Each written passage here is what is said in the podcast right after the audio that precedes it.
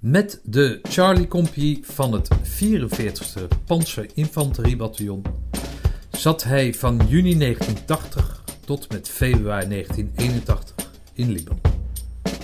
Samen met CC-kapitein Werner van den Berg, pelotonsergeant Aad Verheij en een groep van 125 hoofdzakelijk dienstplichtige militairen maakten zij onderdeel uit van de United Nations Interim Force in Libanon. Kortweg, UNIFIL. Zij waren door de Nederlandse overheid gestuurd om de Libanese regering te ondersteunen om haar gezag te herwinnen en de vrede en veiligheid in het grensgebied te herstellen. Vandaag in de Grombaard podcast het Libanon-verhaal van de toenmalige compie Chambior van de Charlie Compie, Piet Philips. Piet, wat deed Nederland in Libanon? Nederland bood al jarenlang een gemechaniseerd bataljon aan uh, aan de VN om, als dat nodig was, wereldwijd uh, ingezet te kunnen worden. En die mannen waren alleen maar aan het trainen, het kwam er nooit van. Uh, en er deed zich nu een mogelijkheid voor dat wij konden deelnemen. Er werd gevraagd en wij boden een bataljon aan. En dat heeft de VN geaccepteerd. En dat was in 1979, denk ik. Dus iets daarvoor is de opwerkingstijd begonnen. En de eerste eenheid vertrok in 1979. Oké. Waarom we daarheen gingen was duidelijk? Wij kregen uh, een stukje voorlichting en daarin werd duidelijk gesteld: luister, er zit al een eenheid tussen Israël en Libanon. In Libanon wonen de Palestijnen die al sinds 1948 in conflict zijn met de Israëli's. Uh, beide partijen claimen uh, hetzelfde stuk grond. En ja, dat kunnen ze waarschijnlijk alleen maar oplossen door wederzijds geweld te gebruiken. Want er valt niet te praten over uh, zaken als wij geven de dorpen en huizen terug aan de Palestijnen die verdreven zijn in 1948. Of gebieden die, in, die tot Jeruzalem behoorden sinds 1973 waar de Israëli's nu zitten. Dus er moest in ieder geval een scheiding worden aangebracht. En beide partijen hebben ermee ingestemd om een universeel vredesmacht vanuit Nederland om die te accepteren. Uh, niet alleen Nederlanders, er zaten uh, Fiji's, Ghanese, Nigerianen, uh, Fransen in het begin, Ieren en nog veel meer landen die hebben deelgenomen aan de Unifil missies die heden ten dagen in 2021 nog steeds draaien en kort geleden weer verlengd zijn. Unifil blijft voorlopig nog bestaan. Oké. Met hoeveel met hoeveel waren ze daar uit al die andere landen? Ieder uh, land had, uh, volgens mij waren het per land een bataljon. En dat bataljon dat zal in het ene land groter zijn geweest dan het andere. Ik weet bijvoorbeeld dat de Fitsi's uh, hebben twee bataljons. En één bataljon zit altijd in Libanon. Ja, aan de ene kant is dat interessant, want je kunt dus gelden krijgen van de Verenigde Naties om je leger aan te kleden en te voorzien van wapens en voertuigen. En na een half jaar wissel je, of na een jaar wissel je van bataljon en wordt het andere bataljon helemaal aangekleed. En dat geldt natuurlijk niet voor de, de landen die deel uitmaken van de NAVO, want die hebben zelf hun uitrusting. Ja. Dat geldt niet voor, sorry? NAVO-landen, want die hebben zelf hun uh, militaire uitrusting. Die hoeven dat niet van de VN te krijgen. Oké. Maar een bataljon is hoeveel mensen zijn het? 850 man. Oké, dus maal 5, dus zitten er ongeveer, zaten daar een mannetje 4.000, 5.000 ja. permanent waar in het, uh, zeg maar in het, in het uh, zuiden van Libanon, over de hele Israëlische grens. Uh, in twee lagen. Je had, je had de voorbataljons en daarachter zaten de, de landen van de Nigerianen, de Ghanese, de Fiji's, en in de voorste eenheden zaten over het algemeen meer de NATO-landen die een eenheid ter beschikking stelden. Die gemechaniseerde uh, compagnie, of wat, wat zijn nou? Bataljon. Bataljon. die was dus ten alle tijde beschikbaar voor dit soort, voor dit soort taken. Die waren aangewezen. Daarvoor, laat ja, die, die waren aangewezen. Ze wisten natuurlijk niet wat voor taak dat ze zouden krijgen. Dus in de periode dat ze werden aangewezen, uh, kwam naar voren dat ze misschien een verkeerde training hadden gehad tot nu toe. Want ze oefenden vooral met de wapenstok en met rieten schilden, een soort oproereenheid, anti-oproer. Uh, maar nu moesten ze duidelijk een, een, een, ander mandaat gaan uitvoeren. En ja, dat heeft ertoe geleid dat er een, uh, een andere soort opleiding, andere soortige opleiding werd gegeven als tot nu toe. Oké, maar dat was dan in vrij korte periode dat dat besloten werd. Dus die, die opleiding die strookte niet vanaf. Die moest aangepast worden op dat moment. Die moest razendsnel aangepast worden. Uh, en natuurlijk de voertuigen moesten wit geschilderd worden en moesten verscheept worden. Dat duurde ook alweer zes weken. Dus zo'n actie duurt minstens een half jaar voordat een bataljon kan worden uitgezonden. Oké. Uh, is een half jaar, is dat lang? In, in, op, op zo'n zo'n soort uh, operatie? De, als de eenheid uh, standaard is opgeleid, dus het is een paraat bataljon, ja, dan, dan, kun je die mensen vrij snel inzetten. Dan is het meer een kwestie van het juiste materiaal en zorgen dat het ter plekke komt. Dat, ja, oké, dus een half jaar is gewoon lang in zo'n situatie. Maar is vrij normaal. Het is niet zo ah, okay. dat als je ergens zit, zoals de Amerikanen de 82e Airborne Divisie, die zit in Fort Bragg. En daar staan de rugzakken altijd gepakt en die kunnen binnen een paar uur vertrekken naar welke uh, operatie dan ook. Okay. Dat hebben wij niet. Nee, oké. Maar goed, er zit dus iets tussen een paar uur en een half jaar, maar dat is. Dat is, is hoe belangrijk uh, het wordt geacht om uh, je opdracht te kunnen uitvoeren. Dus vroeger hadden we een, eh, een parate periode. Je was twee weken op de kazerne en dan mocht je een weekend naar huis. Twee weken kazerne, een weekend naar huis. En er waren de parate troepen. Dat was in principe waren dat de twee divisies.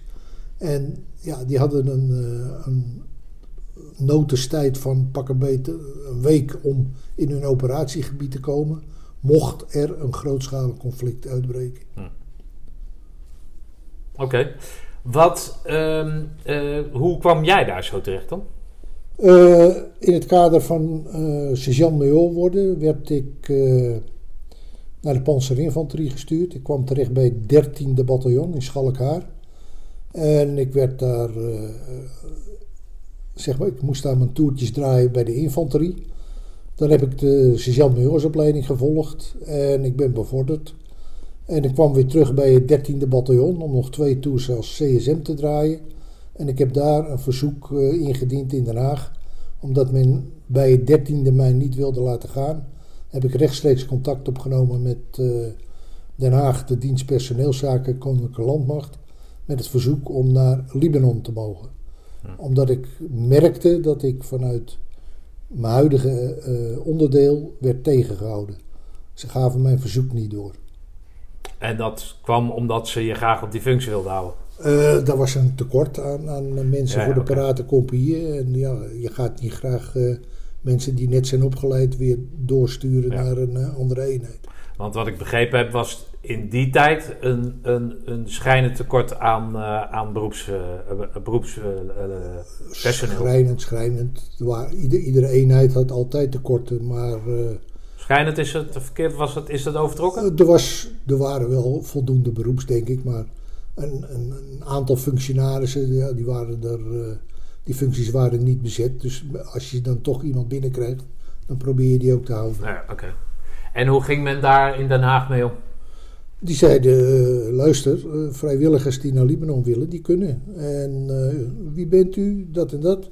U staat genoteerd en u hoort nog van ons. En inderdaad, binnen de kortste keren kwam ik in aanmerking om naar Libanon te gaan. Hm. Waarom wilde je zo graag naar Libanon? Ja, je bent aan het trainen en aan het uh, oefenen. En de, de Noord-Duitse laagvlakte, die hebben we ook wel gezien op dat moment. om daar uh, na twintig jaar in de verdediging eh, koude voeten op te lopen. Eh, Oké, dus op het moment dat zich dan eindelijk na al die jaren weer een eh, uitzending voordoet, dan wil je daar ook aan deelnemen. Hm. Lijkt me logisch. Ja, dat weet ik niet. Ja, dan word je voor opgeleid, dan ben je beroepsmilitair. Nee, ja, je kiest voor militair zijn. Alleen als het, als het als de stront aan de knikker is. Dan, en je moet jezelf ervoor opgeven. Dan is nog maar de vraag of iedereen dat wil dan. Toch? Niet? Ja, natuurlijk. Er zijn mensen die andere belangen hebben. Je hebt net een klein kind gekregen of je vrouw is Ja. ziek. Of, en het komt niet uit. Ja, die zal zich niet direct vrijwillig opgeven. Oké. Maar de militair in jou die vond dat je. Ik daar- vond dat ik dat moest doen en ik, eh, ik heb dat thuis besproken. Dat, eh, ja, wat, wat moet, dat moet. Oké. Dan ga je naar. Je, ik werd geplaatst bij het eh 43ste Panzerinfanteriebataljon. Ja, maar naar Libanon werd het 44ste bataljon uitgezonden. Nou, dat klopt. Die hadden één compie tekort. En het 43ste bataljon, wat in Assen zat, moest één compagnie onder bevel stellen van het 44ste. Dus wij hadden de padjes op van eh, het regiment Cha- Cha- Chassé. En eh, wij werden geplaatst bij eh, het bataljon Johan Willem Frieso in eh Havelte. Alhoewel, die onderbevelstelling werd pas gerealiseerd in Libanon, want in Havelte zijn we nooit geweest. Ah, Onze opleiding was in Assen. Oké. Maakt dat wat uit dan? Nee. In principe niet, maar men zegt altijd het 44ste Panzerinfanteriebataljon ging naar Libanon. Ja, met één compagnie onder bevel van een ander bataljon. Nee, oké. Dus als, als ze zeggen, ja, maar je hebt de verkeerde padjes op. Nee, wij, hebben, wij hadden de padjes op van een andere eenheid. Oké. Nou is het grappige, want dat weten we uit, de, uit de, de- onze eerste aflevering met de kapitein buitendienst eh, Pieter Filius, dat je daar bekenden tegenkwam. Ja, ik meldde mij in eh, Assen. Hier zit de kompiescommandant. Je klopt op de deur. Binnen. Ja, daar zit Werner van den Berg. Nou, daar eh, hoef ik geen tekening bij te maken. Wij kennen elkaar uit het verleden. We hebben heel veel dingen samen gedaan. Altijd een hele goede samenwerking. En ik kon alleen maar gelukkig zijn met wat ik zag. Werner is een eh, charismatische officier. Die eh, altijd heel correct eh, optreedt, beslissingen neemt à la minuut en niet alles op de lange baan schuift. Ook niet bang is om verantwoording te nemen. En op het moment dat er, dat er sprake is van commentaar op je functioneren of wat dan ook, dan zal hij zeggen: Ik ben de commandant, het is mijn probleem, zegt u het maar tegen mij. Dus ik was, eh, ik was daar heel erg gelukkig mee. En daarnaast eh, gaf hij aan dat het verhaal nog niet klaar was. Want dat ook de sergeant Verheij, Art Verheij, eh, geplaatst was bij de eenheid. En dat wij met z'n drieën een kern waren van de compagnie die werd uitgezonden naar Libanon. Oké. Dat jullie elkaar daar zouden treffen, dat wisten jullie alle drie niet. Wisten we niet van elkaar. Nee. Oké. Misschien dat Werner eh, eh, dat eerder had gehoord, maar eh, totdat ik de deur opende wist ik niet dat hij daar achter die deur zat. Oké. Aad Verheij, heb jij van gezegd dat jij hem een soort hebt opgeleid? Hij kwam als jong beroepsonderofficier bij mijn peloton in de 104. En hij werd dus een van, eh, van de ploegcommandanten in mijn peloton. Ik was daar de pelotonsergeant. Ja, en dan leef je ook heel close en, en doe je dingen. En je kent elkaar ook door en door. Dus goed, prima. Oké.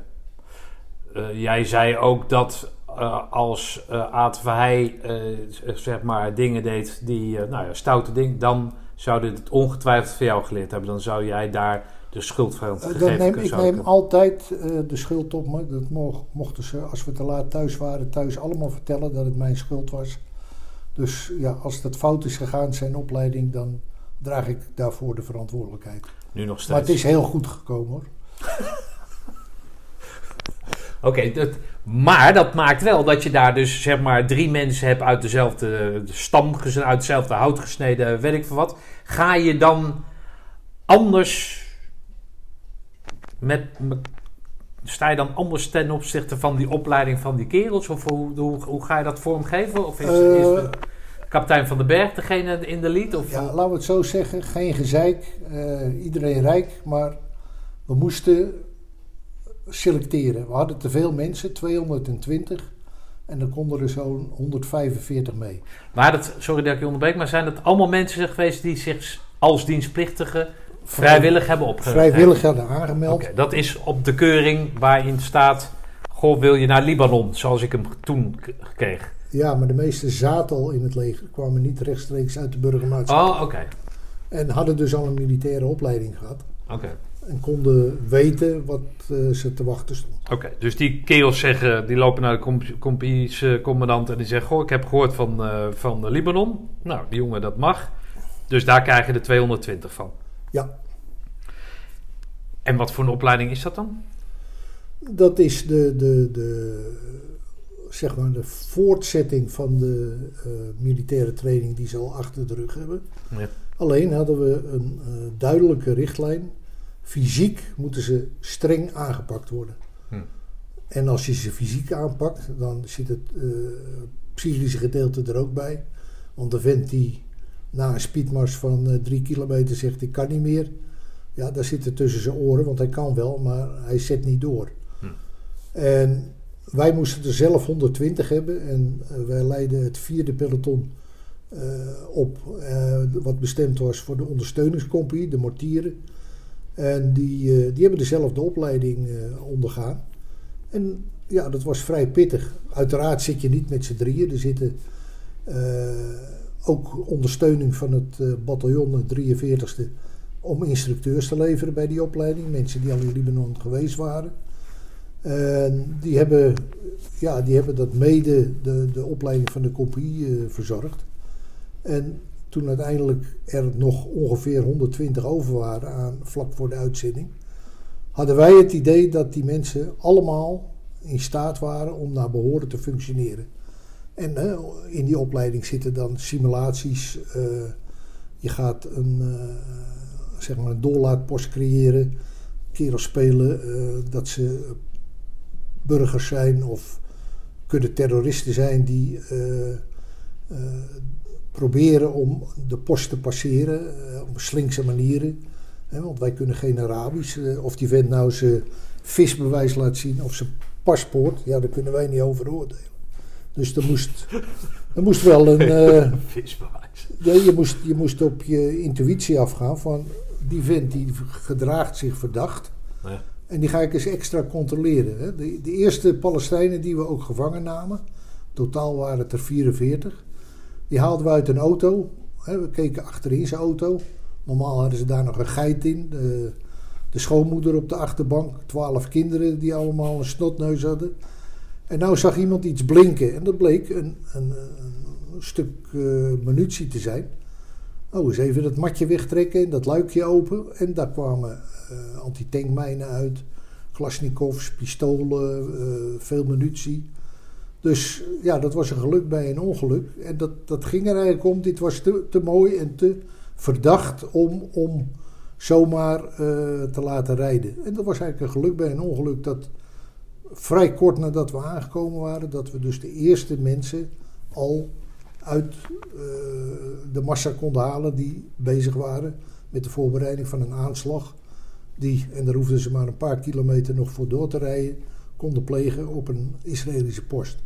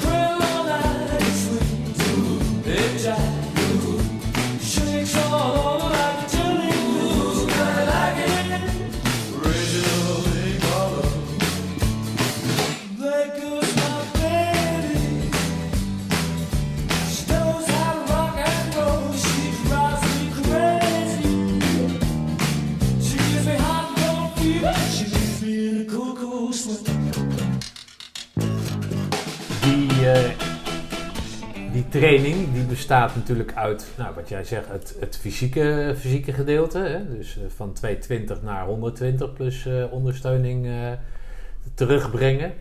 Ehm, maar dingen naspelen die je niet weet, want jullie zijn niet op voorverkenning in dat gebied geweest, toch? Dus nee, maar er waren wel mensen bij dat 43ste die daar al wel geweest waren. En die dus die ervaring hadden en konden uitleggen: luister, dit staat je te wachten en zo moet het gebeuren. Okay. Zo los je dat probleem op. Oké, maar hoe deed dat de eerste, het eerste detachement, die daar, daar ben je niet bij geweest, maar hoe, hoe verkregen zij die informatie dan? Uh, ja, die hebben dat waarschijnlijk zelf uh, uh, moeten ontdekken. want de Fransen die waren daar niet meer.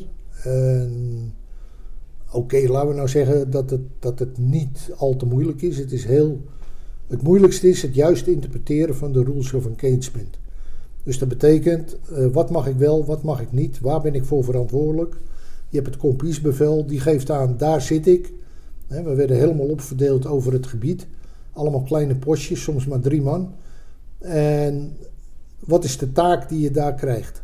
Nou, dat was over het algemeen waarnemen, verkennen, uh, melden.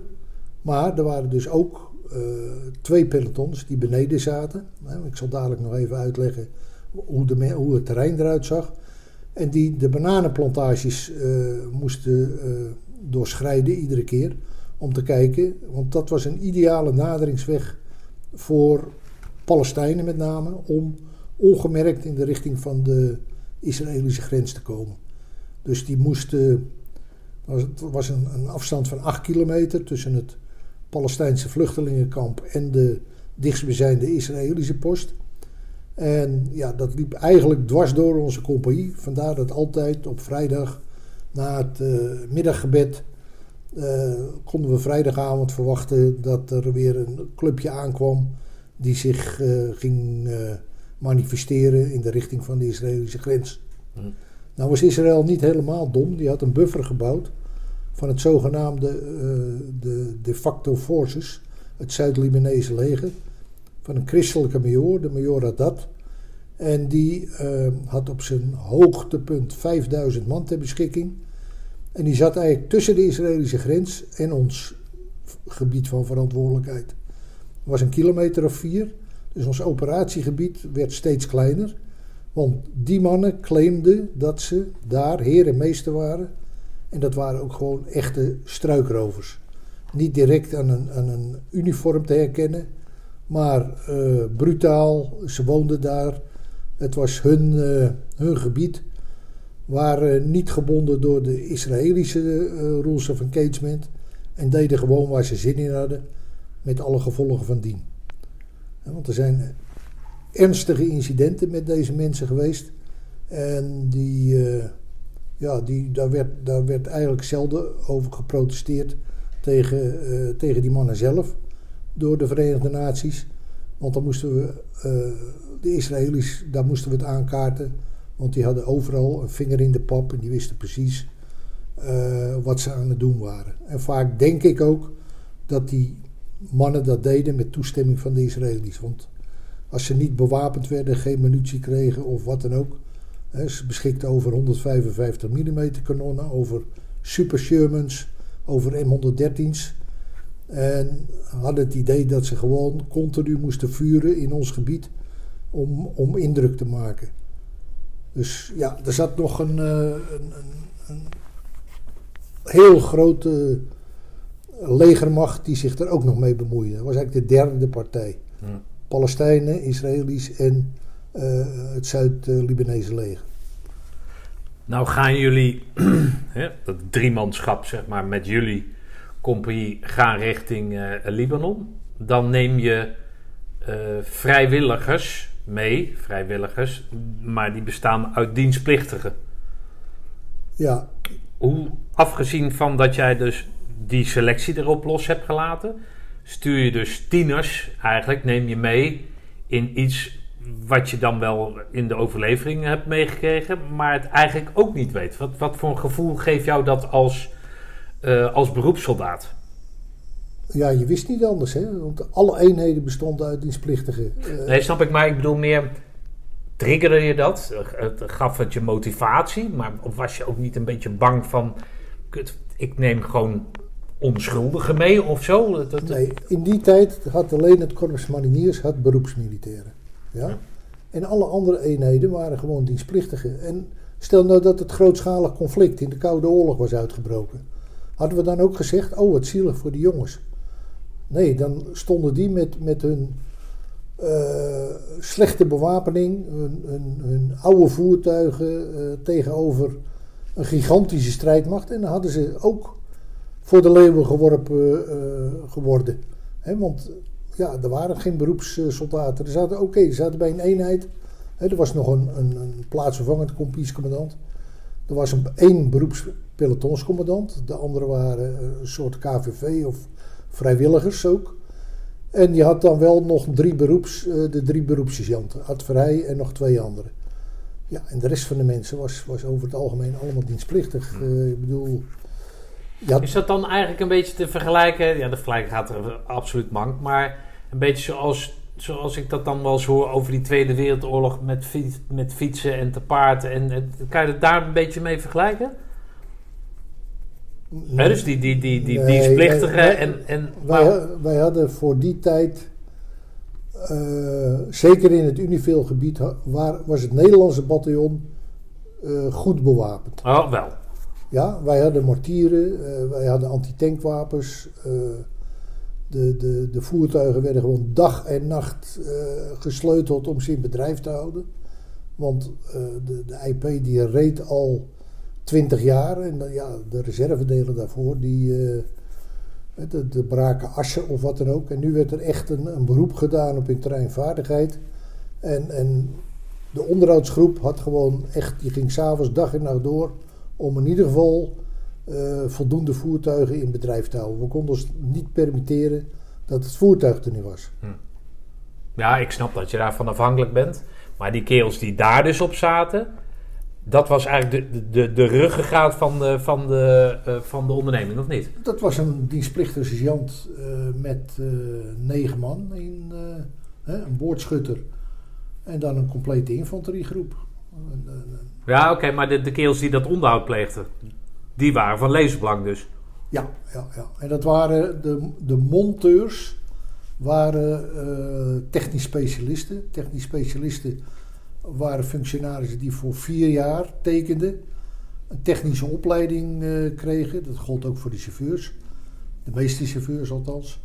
En die werden corporaal. En hun diensttijd van vier jaar was eigenlijk tevens een soort opleidingsperiode om met kennis na vier jaar het leger weer te verlaten. Ja, dat is de kort verband vrijwilliger. Uh, ja, en in die tijd had je niet alleen de kort verband vrijwilliger, maar dat noemden ze de technisch specialist. Je doet een job bij de landmacht en je leert daar een uh, vak en je verdwijnt. Oh, je stroomt door naar de burgermaatschappij. Na vier jaar verdwijn je. Oké. Wat, uh, als jullie daar aankomen, wat, wat treffen jullie daar aan?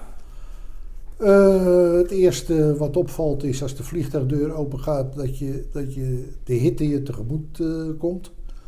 Dat je denkt, wacht even, ik keer om en ik ga terug. Maar oké, er is geen eh, weg terug. Uh, er staan Franse vrachtwagens, je stapt erin. Je zou denken, uh, ze zetten wat water gereed, want we zaten toch al een paar uur in het vliegtuig. En nu kom je in een temperatuur van, ik weet niet hoe heet. Nou, helaas, geen water. we worden in die vrachtwagens gepropt en we rijden naar het zuiden. Je rijdt dus door een verwoest deel van, van uh, Libanon. En na, naarmate je verder naar het uh, zuiden gaat, passeer je de eerste controleposten van het Libanese leger. Dan op een gegeven moment van de Palestijnen. En nog verder kom je dan bij de Unifil-posten. Rij je doorheen, je gaat naar uh, je uh, compagniesgebied. En je rijdt gelijk door naar, er zijn lijsten, jij moet daar naartoe, jij moet daar naartoe. Jij moet daar naartoe. Je wordt daar afgezet en je kunt beginnen. Dus geen, geen, geen inloopperiode. Hè, want die Fransen die zetten ons alleen maar af. Want die waren ook. Er waren oh, die stonden op punt om te vertrekken. Er was, een nou, er was een logistieke eenheid. Wij namen natuurlijk over van, van de vorige uh, Nederlandse eenheid. En wat ik me daar nog kan van herinneren, ja. Poeh, er waren nog een, een of twee man die. Uh, uitlegde uh, hoe het een beetje in elkaar zat. En dat was het dan. Ik zat bij de tweede shift die aankwam. Want de eerste shift was al eh, 14 dagen eerder vertrokken. Dat ging in twee, eh, in twee shiften. En eh, eh, Werner van den Berg was als eerste al vertrokken. Dus de, de die mensen waren al iets bekend met dat wat daar was. Oké. Maar dan moet je het voortouw nemen dus. Dan ga je die jongens, jij zegt dat het overal postjes waren, waar Ja, overal drie zal, man ik zal het zaten. even. eh, je moet je een wadi is een diepe insnede, eh, uitsnede door tussen de bergen. Aan de kant van Israël hadden wij vijf posten. Dat was het eerste peloton en die zaten verdeeld over. Waar die, sorry dat ik onderbreek, maar is dat een soort kloof dan? Ja, Dus berg, bergen langs je bergen, bergen, ja, oké. Vier- wij zaten op een hoogte van 405 meter. Ja. En eh, zeg maar die waddies, eh, die lagen tot een diepte van ongeveer 200 meter. Oké, Dus stijl dus. aan de bovenkant, aan de kant van Israël, hadden we vijf posten. Dat was over het algemeen een dienstplichtige sergeant als commandant, maar we hadden ook een korporaal, een jonkheer, de jonkheer Jit, eh, Lid de Jeude. En die Ja. was daar de, de postcommandant. Korporaal, nou, die kon, dat, die kon dat ook fantastisch. En die pelotonscommandant, die zat op de post 7-1. En vlakbij die post 7-1, eigenlijk daarnaast lag een Israëlische afluisterpost. En een post van het Zuid-Libanese leger. En die eh, hielden ons continu in de gaten. Zuid-Libanese leger, dat zijn de Palestijnen. Nee, dat Zuid-Libanese leger, dat was die major die zich afgescheiden had Oh, van die het major- Haddad, major Haddad. Oké. En die eh, hadden daar eh, eh, middelen om af te luisteren, om waar te nemen, om mortieren, om daarmee te schieten. Om, Oké, en die had dat, voor de, even voor mijn duidelijkheid in ieder geval, de rest zal het best wel snappen, maar die had dat, die werkte samen met de Israëli's. ja, ja, ja. Oké. Hè, die was eigenlijk met, met zijn eenheid was die van het Libanese leger. eh, had hij zich eh, afgescheiden, was naar het zuiden eh, getrokken en had daar met steun van de Israëli's heeft hij die bufferzone opgericht. Oké. En de missie van hun was om de Israëli's erbij te betrekken, dus zij waren pro-Israël. Ja, ja, ja. Oké, dus wat hun betreft had dat Libanon ingenomen mogen worden door de Israëli's. Ja. En weer geannexeerd worden. Hè, want die, ze hebben later ook nog een hele kwalijke rol gespeeld. Omdat die eh, mensen in de vluchtelingenkampen, Sabra en Shatila, eh, toen de Israëli's later op, zijn opgerukt naar Beirut, hebben ze een, ja, verschrikkelijk bloedbad aangericht in die vluchtelingenkampen. Daar zijn nog heel veel zaken over geweest. Er, was geen, eh, er waren geen vriendelijke jongens. En dan moest je ook niet meer spotten. Hè? Want het blijkt wel uit het feit dat een paar weken voordat wij er kwamen, waren, eh, was er geschoten op eh, die eenheid van Haddad. En daarbij was een, eh, een militair van hem om het leven gekomen. En een paar dagen later werden drie Ieren uit hun voertuig gesleept. Twee werden in het achterhoofd en in de nek doodgeschoten. En de derde kreeg vijf kogels in zijn rug en in zijn benen. En o- heeft het overleefd. En de dader is in 1984 eh, is die voor de rechtbank eh, moeten komen. En heeft hij een gevangenisstraf gehad. Maar als je dus op dat Zuid-Libanese leger ging vuren, dan kon je verwachten dat je daarna even niet meer op de bovenposten moest komen. Want dan waren ze hevig over de zeik. Ja, hun mochten wel continu op ons vuren, maar wij niet op hun. Oké.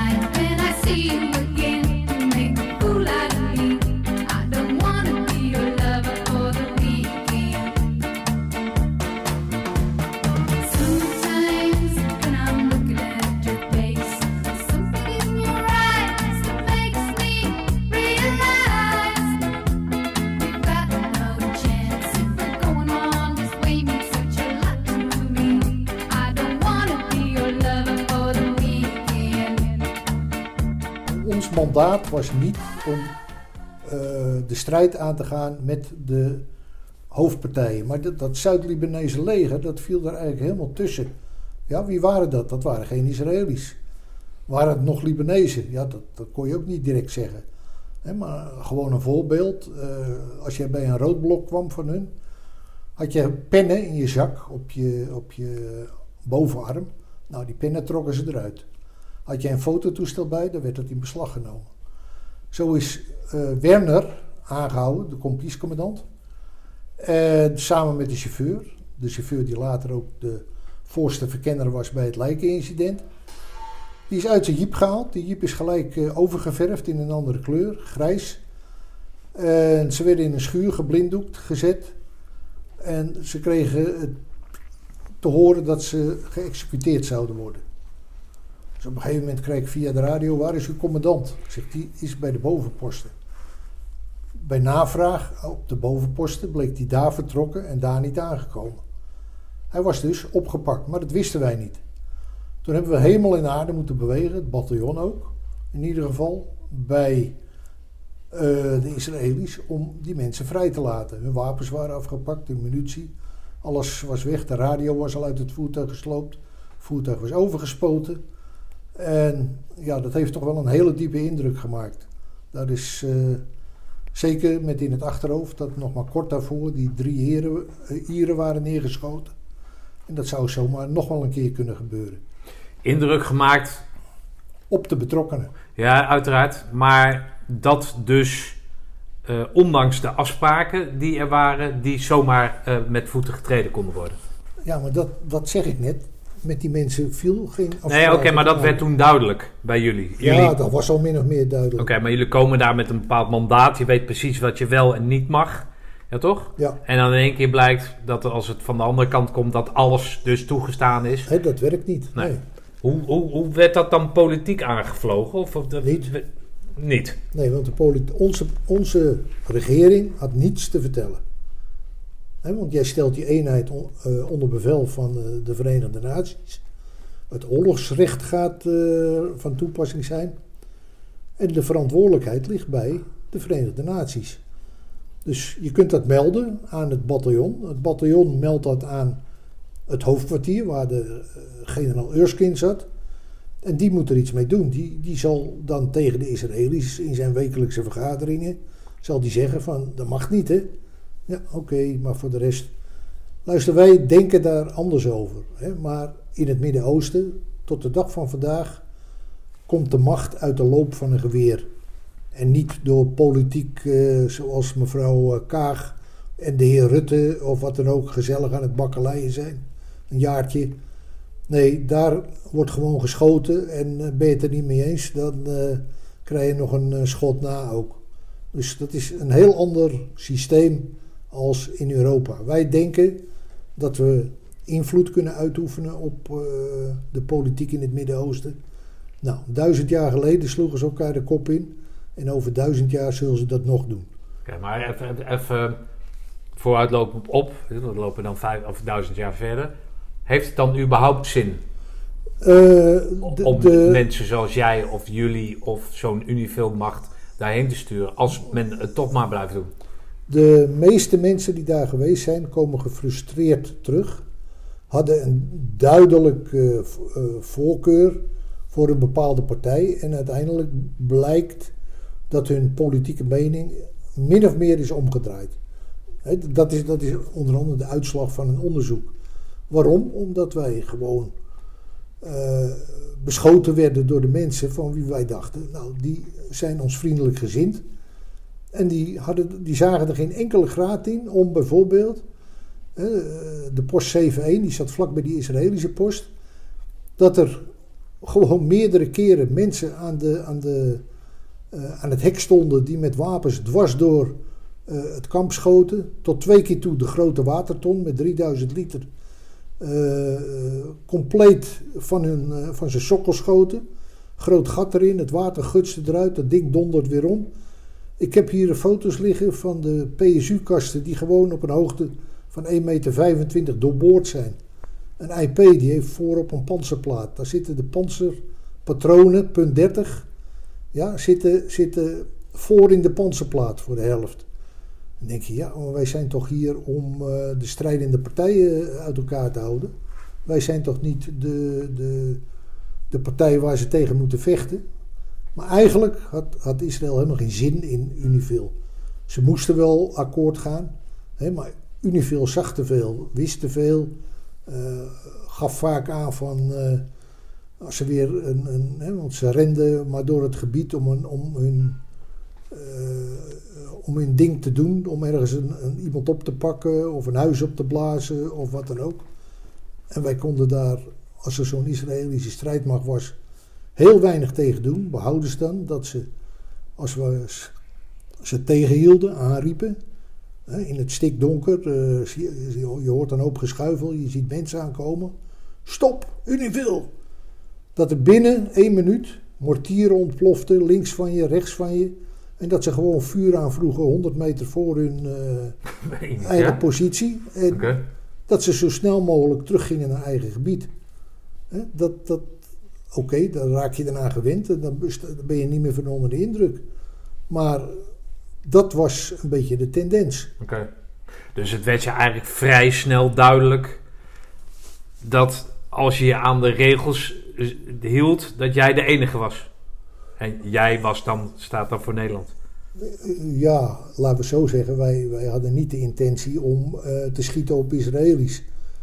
Ook niet op Palestijnen. Nee, maar andersom gebeurt het dus wel. Dus, dus Ja, die hielden, die hielden zich absoluut niet aan de regels.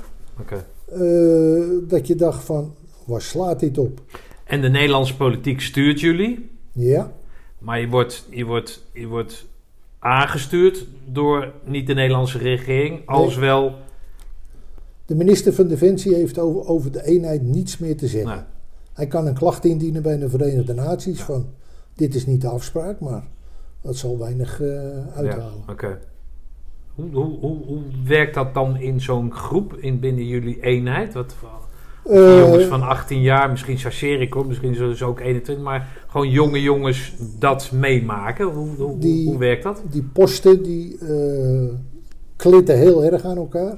Hè, want die leven natuurlijk in een hele kleine groep op een hele kleine oppervlakte. Onder gevaarlijke omstandigheden. eh, hè, want als er geschoten werd, dan hoorde je de granaten aankomen fluiten. En die slaan in de achtertuin. Dat die mannen zeggen: God non de Dieu. Eh, zorg maar dat je in dekking komt. Maar er was niet zomaar een granaat. Nee, er kwamen er echt bijvoorbeeld 150 op een avond. En die werden niet door waarnemers gesteund. Die, die, die, die schoten gewoon maar lukraak, zowel de PLO als de Israëli's, in het gebied waar wij zaten.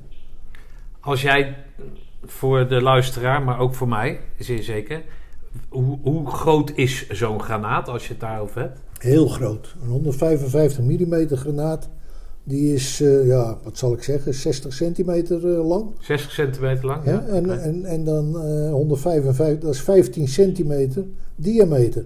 Ja, dat zijn geen kleine jongens, hè? Oké. Wat heeft dat voor effect op een gebouw als je dat in een. In een Eh, op een gebouw, ja, dat gebouw zal, wat, wat geraakt wordt, zal instorten. ook het, echt dat, dat, dat wat je op de film ziet, dat het echt ja, instort. Ja, ja. Oké. En eh, ze, ze schieten in principe, de Palestijnen schieten op de Israëli's. Maar die granaten die vallen overal, want ze hebben geen waarnemers. Hè? Ik zal een voorbeeld geven. De, de, die, dat Zuid-Libanese leger had ook een kanon. En die schoot dan weer op het Palestijnse vluchtelingenkamp. Maar dat konden ze niet zien. En ze weten ook, als ze één of twee schoten hebben eh, afgevuurd, zit iedereen in dat vluchtelingenkamp in de bunker. En wat doen die? Wij hadden een uitkijkpost, die hadden we hoog gebouwd. We zien dat kanon, we geven de waarschuwing, kanon wordt geladen, acht granaten liggen gereed. Na het schot draait die vent zich om en roept: Where? Where? En die wilde dus van ons weten, omdat wij dat wel konden zien, waar die granaat was gevallen. Maar die granaten die vielen, want een tierenslag bijvoorbeeld, eh, op een landpunt, half in de zee. Die granaten waren te kort of te ver, hè, want ze, ze konden heel moeilijk exact die positie bereiken. ja, na, na acht schoten, dan had er geen nut meer, want iedereen zat onder de grond. Ja, dan stopten ze er weer mee. En dat ging maar door. Hè, want de granaten vlogen gewoon dagelijks over je, boven je hoofd. Ja. Maar, maar niet alleen boven je hoofd.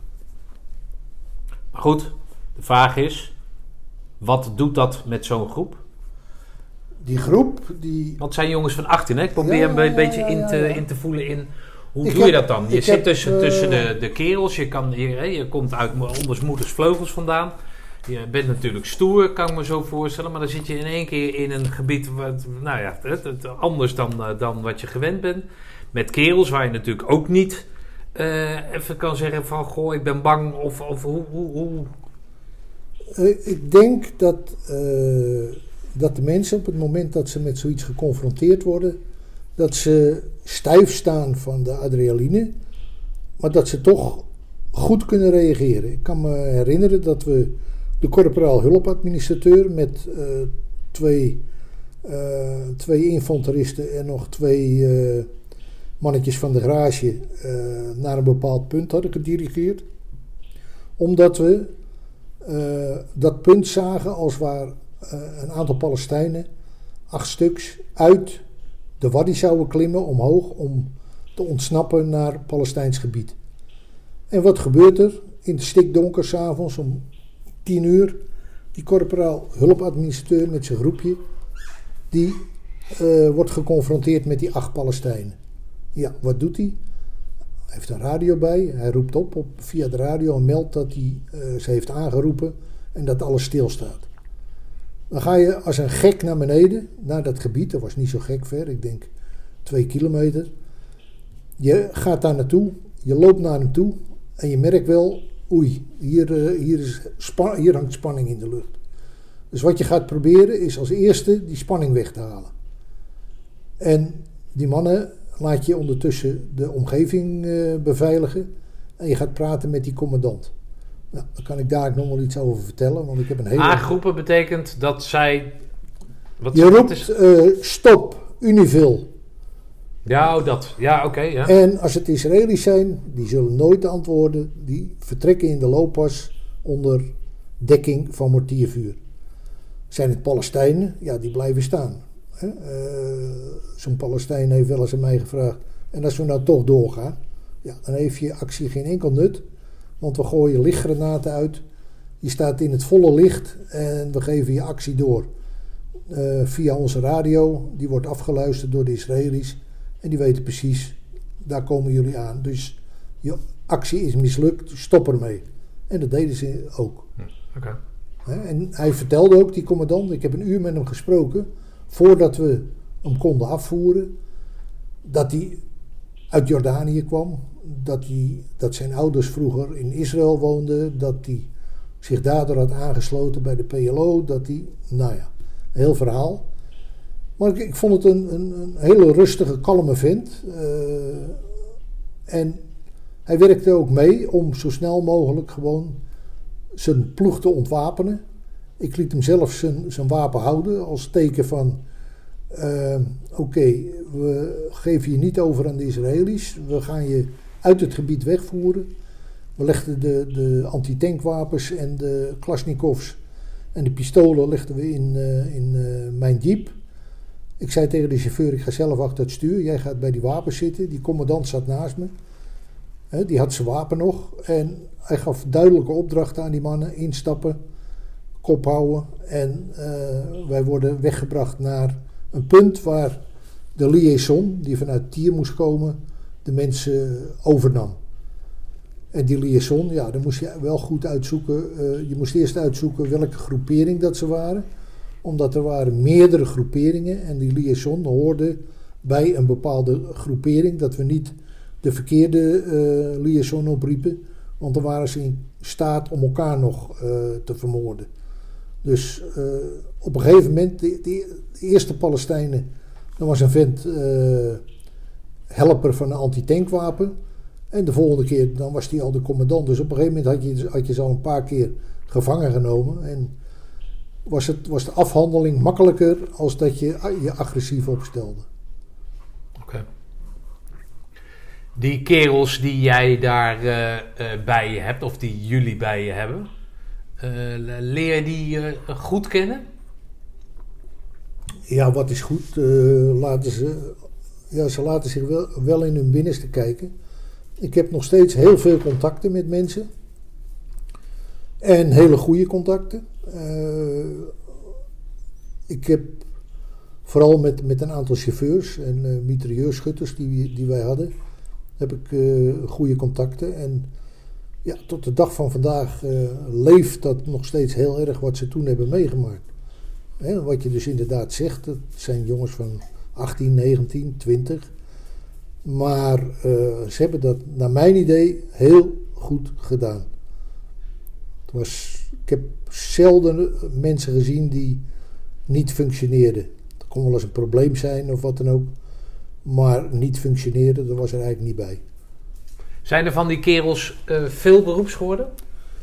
Toen de, de missie klaar was, eh, hadden we, ik geloof, tegen de 70 verzoeken om beroeps te worden. En uiteindelijk kwam ik weer terug bij het dertiende in Schalkhaar. En dan kwam ik meerdere mensen tegen van eh, de compagnie in Libanon, die daar ook te- terecht waren gekomen. En ja, daar toch wel weer een mooie tijd mee heb gehad. Dat was toch een bepaald eh, idee. Je hebt samen dat en dat gedaan. Wederzijds respect. Eh, ik kreeg het respect van die mannen en die mannen kregen het respect van mij. En dat was 100% goed. Oké. Maar dat betekent dus dat, dat er van die 120 mensen bij jullie, of 140 mensen, die bij jullie in de compagnie waren bij aangesloten, dat daar dus de helft van die mensen die daar vrijwillig naartoe zijn gegaan, het zo aanspreekt, dat militaire leven, dat ze daarin verder willen gaan. Dat, is, dat, is, eh, dat was de wens van een hele hoop mensen. Ze zijn natuurlijk niet allemaal aangenomen of hebben het doorgezet.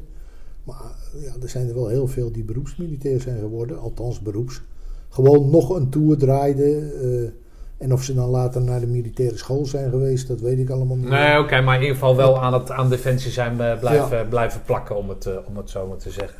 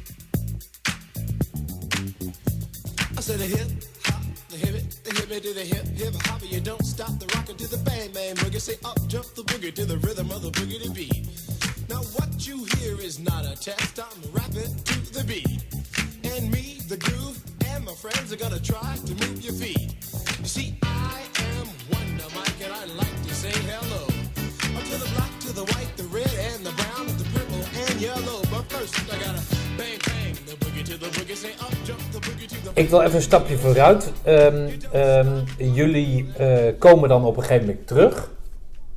Is het dan allemaal einde diensttijd voor die, voor die mensen? Of zit daar dan ook nog... Ja, dat was, dat was nou eigenlijk het. het eh, op het moment dat we ze op het vliegveld in Beirut eh, uitzwaaien, dat was de helft van de compagnie een keer, dan de tweede helft en ik moest nablijven. Eh, in, in verband met het eh, incident wat had eh, plaatsgevonden. Ja, daar gaan we zo over praten. Of ga je zo over vertellen? ja, en ja, die mannen kregen een papiertje mee. Ik noem maar wat. 12 maart, eh smiddags 1 uur, melden in Assen plunjezak inleveren. En dat was in 1981 het laatste wat ze van Defensie hoorden. Later is, zijn er wel brieven verstuurd. Als je last hebt van iets, eh, dan kun je dat kenbaar maken en dan kun je hulp zoeken bij het Veteraneninstituut. Maar dan waren we tien jaar verder. Die mannen zijn naar huis gestuurd. Er is geen debriefing geweest. eh, die konden hun verhaal niet kwijt. En die zijn een beetje gaan zweven van... eh, ja, wat, wat, wat ik heb meegemaakt wil ik, wil ik vertellen aan iemand. Ik kan dat aan niemand vertellen, want de mensen, de mensen snappen mijn verhaal niet. Hè? Want die hadden heel close samen geleefd op een post. Hadden veel meegemaakt in gevaarlijke omstandigheden en ook minder gevaarlijke omstandigheden. Het was natuurlijk niet alleen maar dat het, eh, dagelijks levensgevaarlijk was. Dat was eh, tijdens, tijdens de confrontaties natuurlijk wel. Maar in principe hadden ze een hele mooie tijd gehad. En, en ja, dat was in één keer afgelopen. Er was niks meer. En ik heb toen gezegd, eh, over 25 jaar zal ik een reunie organiseren. En inderdaad, exact op de datum, na 25 jaar, hebben we een reunie georganiseerd. En er was een hele grote opkomst van, eh, van de mensen. Eh, natuurlijk niet allemaal, maar ik denk dat we zo'n zo'n 70% toch hebben bereikt, konden terugvinden, hebben uitgenodigd en die ook allemaal geweest zijn. Alleen ja, ik vind die reunies, eh, je ziet elkaar een paar uur en je komt eigenlijk niet tot een, eh, tot een goed gesprek of dat is te kort. Hè. We hebben dan, eh, we drinken een biertje, we geven nog een vat weg en nog een vat, we hebben een reismaaltijd. Ja, en daarna dan, dan gaat ieder zijn weegs weer, maar na de hand denk je, die tijd is te kort. Hè, want er had veel meer gezegd kunnen worden of moeten worden. Maar die tijd is er niet en dat is jammer. Maar ja, dat was het einde van hun diensttijd. Behalve voor de mensen die dan geopteerd hadden om beroeps te worden, die kwamen dan nog wel terug. Maar de meeste die verdwenen gewoon in de burgermaatschappij.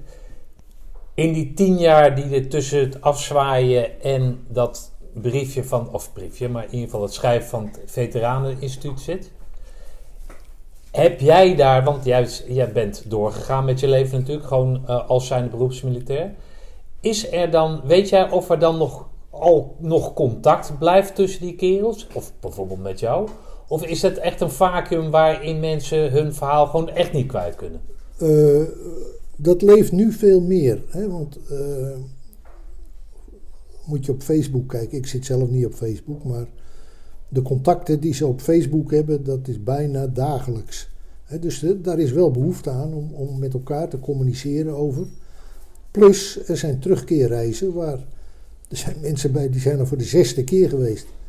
Ja, dat is natuurlijk wel een soort PTSS, want het is een behoefte om terug te gaan naar een gebied waar nog eh, wat eh, ruïnes liggen en daarbij kunnen dromen van kijk, hier was onze post. En ze herkennen nog mensen. Er zijn ook Libanezen die altijd erg blij zijn als ze weer eh, in het gebied zijn en verhalen op, ophalen. Hè, want er, er is toch een band gegroeid tussen de mensen van de post en die burgers. Ja. Met de Fransen hadden ze niet zo'n eh, contact, maar met de Nederlanders eh, was, dat, eh, was dat best veel. En dat komt omdat ze moeten passeren elke dag, dan maak je een praatje. Een, een soort sociaal tuurlijk, ding. hè, de onderwijzer van de school en de, en de, en de handelaar. En, en ja, op een gegeven moment ken je de mensen. Want wat wij ook deden was in het gebied voor de schoolkinderen. eh, hebben we goederen ingezameld, speelgoed en dat soort dingen allemaal. Hebben we een open dag georganiseerd.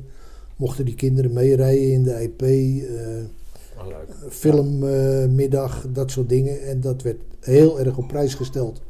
En want, veel was er in die dorpen niet. Eh, dat, wa- dat waren vrij afgezonderde eh, dorpen. Oké. Jij zegt eh, zo'n reunie. Hè? Ik weet jouw afkeer tussen haakjes van eh, reunies. Maar eh, dan zie je elkaar. Dan blijkt dat er gewoon te weinig tijd is. Dat voel je over de hele breedte van de kerels die op die reunie zijn? Als er een reunie is, bijvoorbeeld in Havelte, is dan een hele grote, maar dan komen daar 5000 man. Dus dan hangen er overal bordjes, eh Charlie Compagnie 1980-81. Oké, daar verzamel je wel en dan kom je 50, 60 man tegen en dan wordt er even flink doorgehezen. Maar ja, je weet dat om, om 7 uur dat de zaak is afgelopen, dus je moet heel kort zijn en als je 70 man hebt en je hebt maar 4 uur de tijd, ja, wat voor gesprekken heb je dan? Eh, je kunt met een enkeling kun je eens even doorpraten. Maar eh, ja, ik vind het over het algemeen allemaal eh, te kort. Heb, jij, heb jij daar buiten dan nog, maak je, heb je dan contact met eh, die lui? Ja, ik, eh, ik heb hier in de tuin hebben we een barbecue georganiseerd voor een man of tien. En eh, ja, dan kun je wel de hele avond praten. Hm. En dat, eh, dat is, is een goed idee. Alleen ja, er zijn veel meer groepen die dat kunnen organiseren. Dus die mannen onderling van diverse posten hebben eh, best nog wel veel contact. En ik zat natuurlijk meer op kompiesniveau, dus ik moet eigenlijk veel meer mensen kennen. Maar er zijn er wel specifieke. Ik ga op vakantie naar Spanje, zit daar een tijdje. En eh, mensen uit Libanon, die komen, die komen langs. Die komen een weekje bij. eh, en die zijn, ja, bij wijze van spreken, helemaal geëmotioneerd als je ze weer ziet. Eh, vorige maand kreeg ik nog, na die eerste podcast, van, eh, eh, die heb ik ook aan jou doorgestuurd, hè, dat iemand trots was dat hij onder ons gediend had. En dan bedoelt hij de, het kader. En dat hij eh, nog steeds ja, heel erg betrokken is bij, bij wat er toen is gebeurd. Teruggaand naar Libanon. Die posten, eh, bemand door nou, een mannetje of drie. Eh, de, de situatie waarin je eh, eigenlijk vrij snel eh, be- aan het bemerken bent dat je aan de goden bent overgeleverd. Ja. Ehm, noem eens een aantal voorvallen waar je het gevoel, jou het gevoel bekruipt van we zijn aan de goden overgeleverd. Bij een post werd op een middag werd een pakje in beslag genomen. En daar stond een, een, zo'n ah, een, een teken op van radioactief eh, inhoud. Nou, zo'n doodskop met eh, van, die, van die pijlen ernaast of van die schichten ja, of zo. ja eh, zo'n eh, teken van eh, nuc- nucleair eh, gebied of weet ik wat. Oké. Dus de pakje eh, ja, in beslag genomen en 10 meter buiten de post eh, achter een steen gelegd en gevraagd aan het bataljon, wat doen we daarmee? Eh, We weten niet wat erin zit. Nou, schijnbaar was dat misschien iets medisch, dat weten we niet. In ieder geval, daar kwamen eh, van het Zuid-Libanese leger kwamen een paar man naar beneden. En die dreigden te gaan schieten en eh, je in elkaar te slaan als het pakje niet terugkwam. Eh, dat werd heel agressief. En op een gegeven moment eh, is besloten door het bataljon: geef het maar terug. Om erger te voorkomen. Want waarschijnlijk maakten ze zich zo druk omdat het niet echt iets gevaarlijks was. Goed, einde, einde verhaal. Ik reis s'nachts eh op de kustweg. Ik kwam van een, van een post eh, uit, eh, uit het noorden. Ik had de post nog opgehaald. Dat, en die wou ik nog even verdelen over de posten. En ik zie voor me zie ik blauwe vlammen. Ik denk dat is zo'n elektriciteitskabel. Die weer eh, op de weg ligt te vonken. En, eh, maar ja, op hetzelfde moment eh, hoor je een, een aantal knallen.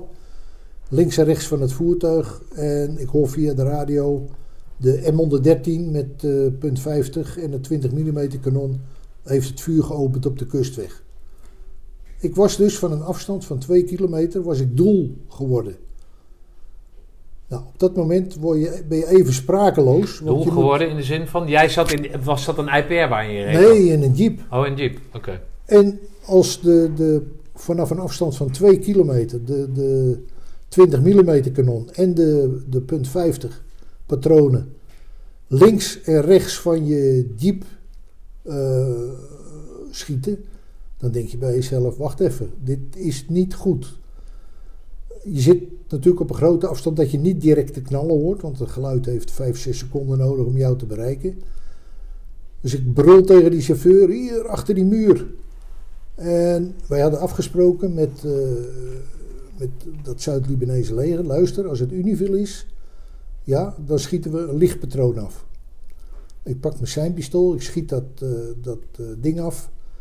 Beginnen ze met alles wat ze hebben op dat parachute te vuren. En dat komt steeds lager natuurlijk. Wij lagen achter zo'n zo'n 20 centimeter dikke muur. Eh, maar ja, dat is daar van dat, dat grijze eh, betonachtige gebeuren. Ja, daar kwamen dus die patronen dwars doorheen. En tussen mij en de chauffeur zat een meter, daar ontplofte er ook een. En wij hadden van die, van die nylon eh eh, camouflage pakken, dus die jas had je aan. En die valt op die jas en dat begint te smeulen. En dat, eh, ja, toen het licht gedoofd was, stopte dat vuren langzaam. Dan sta je even, ja, wat zal ik, wat zal ik doen? Zal ik de, de mag Eh, laden en terugvuren, ja, maar dat kan niet, want tussen eh, de positie Alpha en onze eigen Porsche 71 lag maar een meter of 50. Ga je met, met dat wapen op twee kilometer afstand op die Porsche vuren, ja, wat, wat raak je dan? En wat lok je uit? Want dan gaan ze met alles schieten als jij terug gaat schieten. Dus wederom niet terugvuren, onder geen beding. Kalm blijven, het melden en proberen om zonder licht verder te rijden uit die gevarenzone. Dan is het licht. Dan denk je wat? Ik ga naar boven en ik ga naar die post om te vragen wat ze nou gisteren aan het doen waren. Ja, ze hadden Palestijnen gezien, s'nachts op de weg, en ze hadden het vuur geopend. Ik zeg, en wat is dan de afspraak als we een, een lichte patroon afvuren? Nou, daar wisten ze niks van, hadden ze nog nooit van gehoord. Ik zeg, ja, ik, dat was ik. Ik- Jullie, eh, jullie schoten op mij. Ja, daar kwam ook geen antwoord op. Dat zal wel... eh, ze hadden een luitenant, Barakat. Maar die interesseerde het verder ook niet. Dus het zal wel. Maar dan heb je gewoon geluk. Als ze van die afstand zo dichtbij vuren... Ja, dan is er geen sprake meer van eh expres ernaast of wat dan ook. Dan is het gewoon de bedoeling om je te raken. Nou, had dat nou met dat pakje van die middag te maken? Ze weten via, als ik via de radio praat wie ik ben. Ja, hebben ze dat expres gedaan? Ik weet het niet. Noteer- Ja, jij weet, omdat jij weet, jij gaat daar dus ten alle tijde vanuit dat je afgeluisterd wordt. Ja. Continu. En daar pas jij je communicatie ook op aan. Nee, want wij hebben niks te verbergen. Eh, Ze mogen weten waar wij zitten en, en wie we zijn en wat we doen, want we doen niets geheimzinnigs. Maar als hun weten wie daar rijdt, en dat is zeker de PLO niet, want wij reden wel, daar wel vaker, ja, dan, eh, dan, dan, dan is het een geluk bij een ongeluk dat je niet geraakt bent.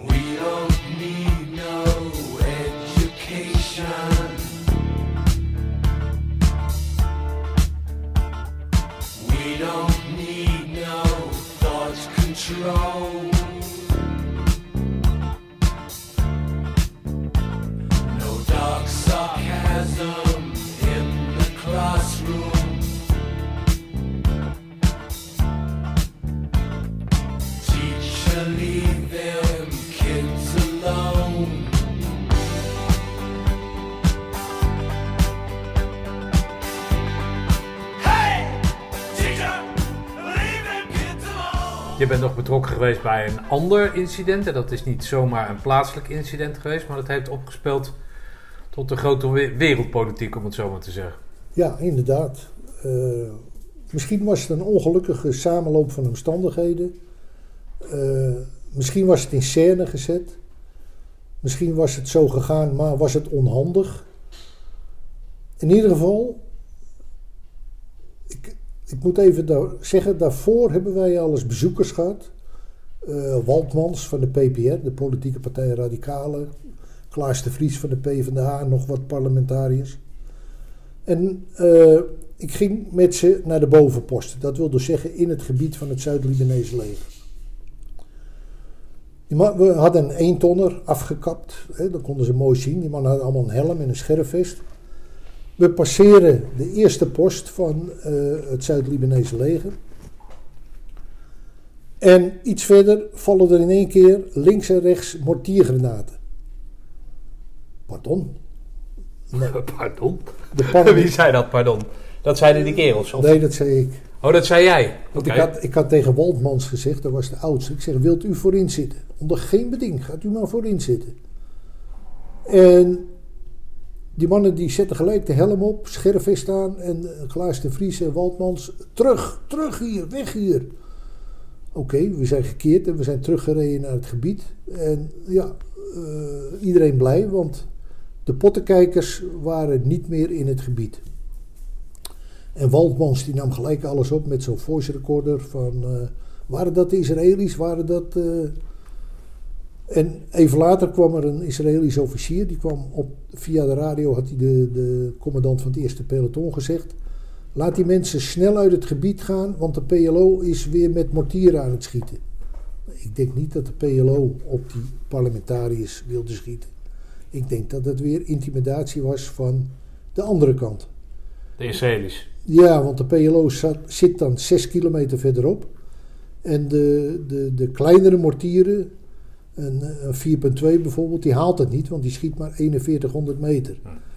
Ja, dus ik vermoed dat die mortieren bedoeld waren als intimidatie eh, op die, voor die parlementariërs. Dat is inleiding naar het bezoek van de bevelhebber landstrijdkrachten. Die komt op eerste kerstdag op bezoek. Wie was dat toen? De generaal Roos. Hij is nu al lang overleden. Eh, ja, die brengt een bezoek. Een, eh, een, een bezoek om, om de troepen te velden met kerst een hart onder de riem te steken. Nou, dat is altijd prettig, want in plaats van eh schapendarm en weet ik wat allemaal wat we te eten kregen, kwam er dan een kok mee en aten we bijna eh à la Hilton. Dus eh, ja, dat, was, dat werd wel op prijs gesteld. S'morgens om half tien gaat er een Israëlische patrouille via de andere kant van de Wadi naar beneden. En wij werden erop geattendeerd, omdat het waren 13 man, dat ze twee radio's bij hadden op hun rug met een luidspreker, kei en keihard aan. Daardoor kwamen wij erachter eh, wie, dat, eh, wie dat eraan kwamen. En, en ze verborgen zich niet. Hè? Dus een aantal mensen van ons stonden ook te kijken over de Waddirand naar beneden. Hè, want ze passeerden onze post. Wij zaten hoog. En zo schuin naar beneden, een 200 meter, liepen die Israëli's. En er werd geroepen, Merry Christmas. Maar ja, de Joden en de Palestijnen doen daar niet aan. Dus dat was eh, verder eh, niet de zaken doen. Ondertussen was de generaal Roos, die was eh, gearriveerd, maar die was naar de bovenposten. De Israëli's die lopen een stukje verder. We zien ze de bocht omgaan. Daar, of althans, daar was een, een, bocht in dat waddipad. En er breekt een hevig vuurgevecht uit. Kwart voor tien zo. Er worden handgranaten gegooid, er wordt flink geschoten. Eh, ja, wij melden dat via de radio. Vuurgevecht door Israëlische patrouille beneden in de wadi. En zo tegen tien uur werd het stil. Ik eh, zei tegen de, de soldaat, een van de meest betrouwbare soldaten eh, die we hadden. Ik zeg, eh, haal eh, tien man uit bed. Hè, want het was kerstmorgen, ze mochten uitslapen. En omhangen en patrouille. Hij komt terug, hij zegt, er heeft niemand zin, major. "Maar Wat zegt u? Pak de alarmding, zo'n zo'n draaiding. De eerste vijf die aankwamen, dat was een, een machtschutter en een machthelper. Een eh gewondenverzorger eh, en twee chauffeurs eh, met een Uzi. Ik zeg, ik vraag aan eh 39 Romeo, de commandant, de plaatsver- want Werner van den Berg was er niet, maar de plaatsvervanger wel. Maar die was met die generaal op de bovenposten. Dus ik vraag toestemming om een patrouille te lopen onder in de wadi. Ik stap over het hek. Ik daal af met die mannen, grote tussenruimte. En we komen in de buurt en we zien daar twee Israëlische mitrailleurs op ons gericht staan. En nog een aantal mensen eh, op de achtergrond. En die voorste verkenner, dezelfde die eh, gevangen genomen was en geblinddoekt in een schuur zat en mogelijk geëxecuteerd zou kunnen worden, die zegt: eh maar joh, ze, schieten op mij. Ik zeg: dat doen ze niet, want dan krijgen ze problemen. Gewoon doorlopen. Dit is ons gebied, wij mogen hier zijn. Want er zit daar een Israëlische patrouille die hier niet mag zijn. Die zit op het, in het verkeerde land, op, het, op de verkeerde plaats. Oké, wij lopen door en eh, we zien die Israëli's wapens pakken en in de looppas verdwijnen. Ik liet de patrouille halt houden, eh, mij dekking geven, ik ging naar voren en ik vond vier lijken, doorzeefd. En die lagen, eh, ja, die lagen voor een kleine grot. Eh, ik, heb ze één voor één bekeken. Ik meld alles via de radio. Ik had een draagbare radio op mijn rug. En ik werd gerelieerd met het hoofdkwartier in Aris. En die gaven mij instructies. Wat gebeurt er? Eh, Bla bla bla. Toen kwamen de Israëli's terug. En ik vroeg aan de commandant. Wat gaat u met de lijken doen?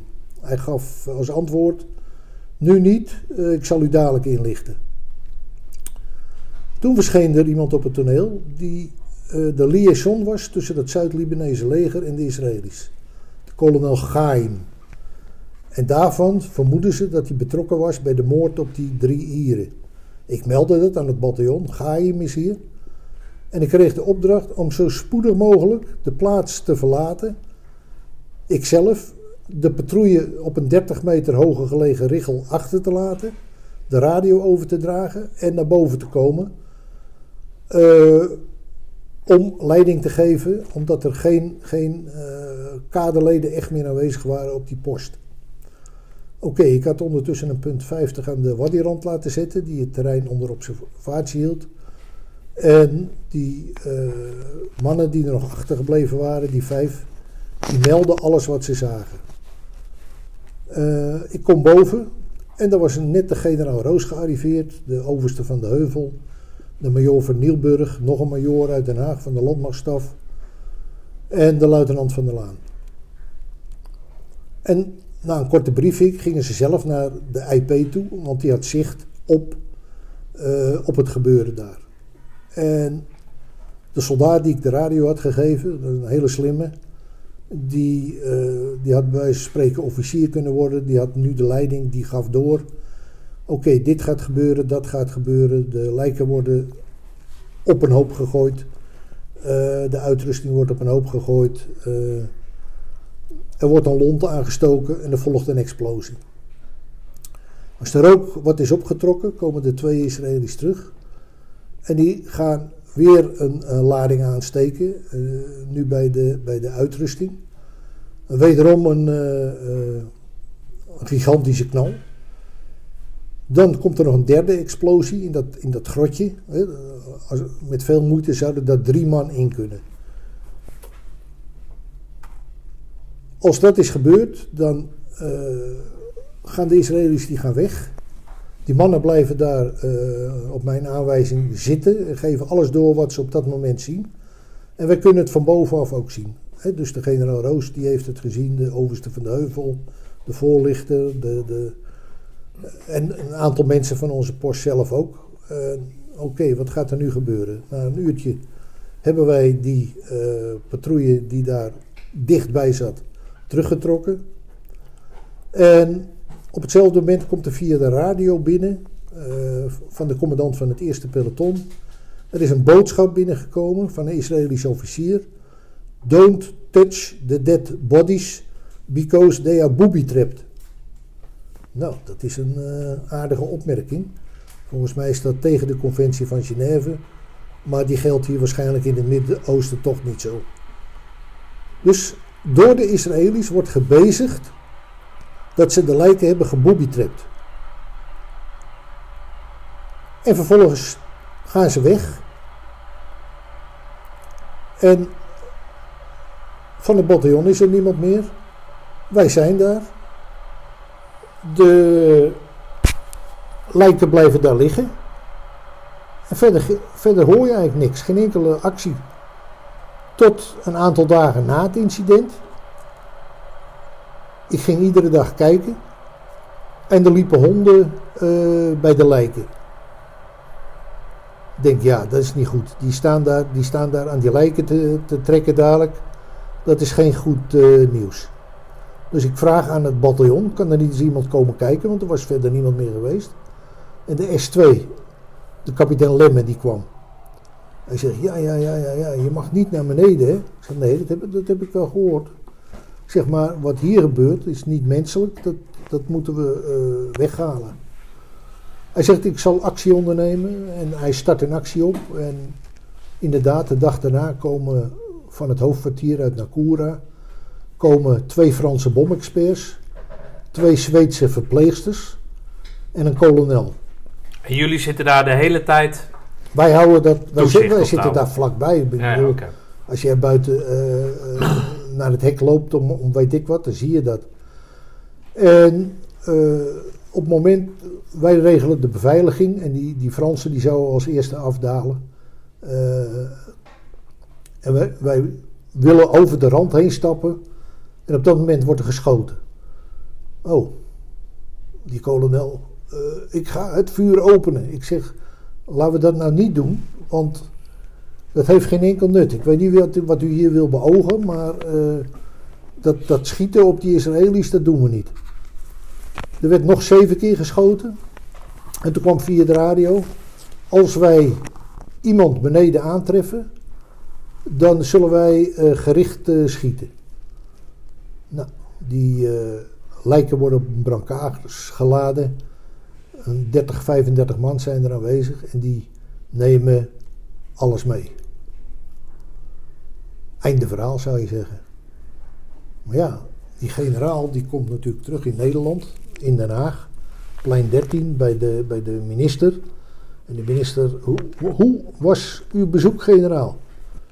Hij zegt, nou heeft u even de tijd, want ik heb wel iets te vertellen. En die begint natuurlijk dat verhaal te vertellen. Met als gevolg de minister en ik sta achter mijn jongens en eh, die komt direct op bezoek binnen twee dagen. Met in zijn gevolg een hele schare journalisten. De hele landelijke pers was aanwezig. Binnen twee dagen. Ik denk het ja. Ik eh, sta me zo, ik ken de dag niet precies, maar ze waren, ze waren twee dagen nadat eh, die lijken waren opgehaald, zo ongeveer kwam de minister op bezoek. Oké. En eh, we hadden afgesproken, we doen, we doen geen zaken met de pers. Nou, dan ken je de pers niet goed, want de pers maakt zijn eigen verhaal wel. Dus in alle kranten verschenen artikelen dat de honden met, met stukken been en arm in hun bek rondliepen. Dat de lijken in brand waren gestoken, eh, met zuur waren overgoten eh, en dat soort dingen. Maar niemand van ons had met de pers gesproken. Het Algemeen Dagblad spande de kroon. De eh, journalist eh, Leon van Kan, die ik later nog eens tegenkwam, die mij meerdere keren heeft opgezocht, maar mij niet kon vinden tijdens een reunie. En dan schreef hij in de krant, eh, de betrokkenen van het lijkenincident was niet op de reunie. Die Oh, die was zo geobsedeerd door dat, door dat voorval dat hij... eh, twee hele pagina's had hij eraan gewijd. Oh. En ik kom hem op een keer tegen, ik herken hem. Ik zeg, dat is een mooi verhaal wat je had gemaakt. Ik zeg, hebben wij gesproken dan? Want jij zegt, dus Jan Meophilius zegt, dubbele punt. En dan begin je een verhaal, maar dat heb ik nooit tegen jou gezegd. Hij zegt, kijk eens op de voorpagina van de krant, rechtsboven. Wie is de hoofdredacteur?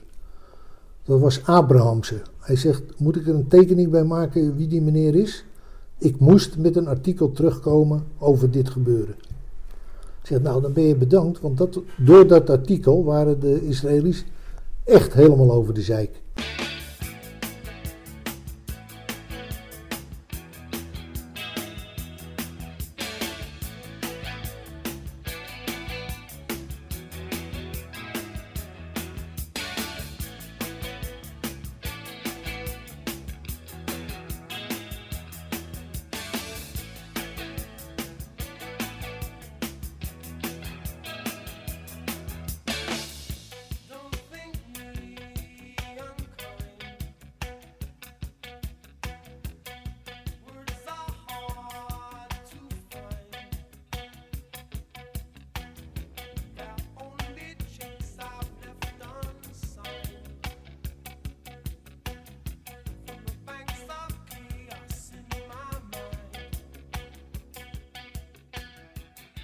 In de tussentijd eh, was eh, er een, een, een interview van de eh, patrouillecommandant, de luitenant-kolonel Over van het Israëlische leger, die aangaf dat during the exchange of fire in the cave, one of the suicide belts that uh, has been exploded, and that's the reason that one of the bodies was mutilated. Nou, ik heb iemand gezien in die grot die eh, uit elkaar lag, maar waarom gaat hij dat nou vertellen? Hij is de patrouillecommandant, hij zal het dan wel weten. Een ander verhaal is, er is een Palestijn ontsnapt. Dat klopt ook. En die zegt, dat vuurgevecht heeft niet plaatsgevonden bij Marstalzoen, maar bij Hanita aan de Israëlische grens. Dat komt later, komt dat ook boven water. Dus er is, er is al eerder een vuurgevecht geweest. En ze, zijn ze, ze hebben ze achtervolgd. En op kerstmorgen liggen in één keer daar een aantal lijken in en bij de grot onder onze post. Was de deze hele actie nou bedoeld om indruk te maken op de generaal, eh, de bevelhebber van de landstrijdkrachten? Met het idee van: kijk eens, je kunt hier wel komen, eh, maar jullie functioneren voor geen meter. Ja, wij moeten hier alles zelf oplossen. Jullie zitten gezellig aan het kerstdiner en eh, hier beneden moeten wij een vuurgevecht voeren met de Palestijnen. Ja, dan zou je zeggen, het is, eh, het is klaar, hè, verder het verhaal. Nou, dus niet, hè. Er komt nu een onderzoekscommissie, die komt een onderzoek instellen. Ondertussen had de minister van Defensie had een beetje zijn keutel ingetrokken. Stond niet meer zo hard achter zijn mensen. Eh, iedereen eh, trok eigenlijk zijn handen eraf. Niemand wilde verhoord worden. Ik had in die tussentijd, had ik de mensen van de patrouille en ikzelf, hadden ze allemaal met een carbonnetje ertussen een verklaring laten optekenen. Ik zeg, hier ga je precies opschrijven wat je allemaal hebt gezien. Van minuut tot minuut. En die hebben dat gedaan.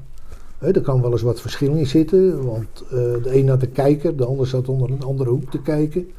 Maar eh, grosso modo kwam het allemaal overeen.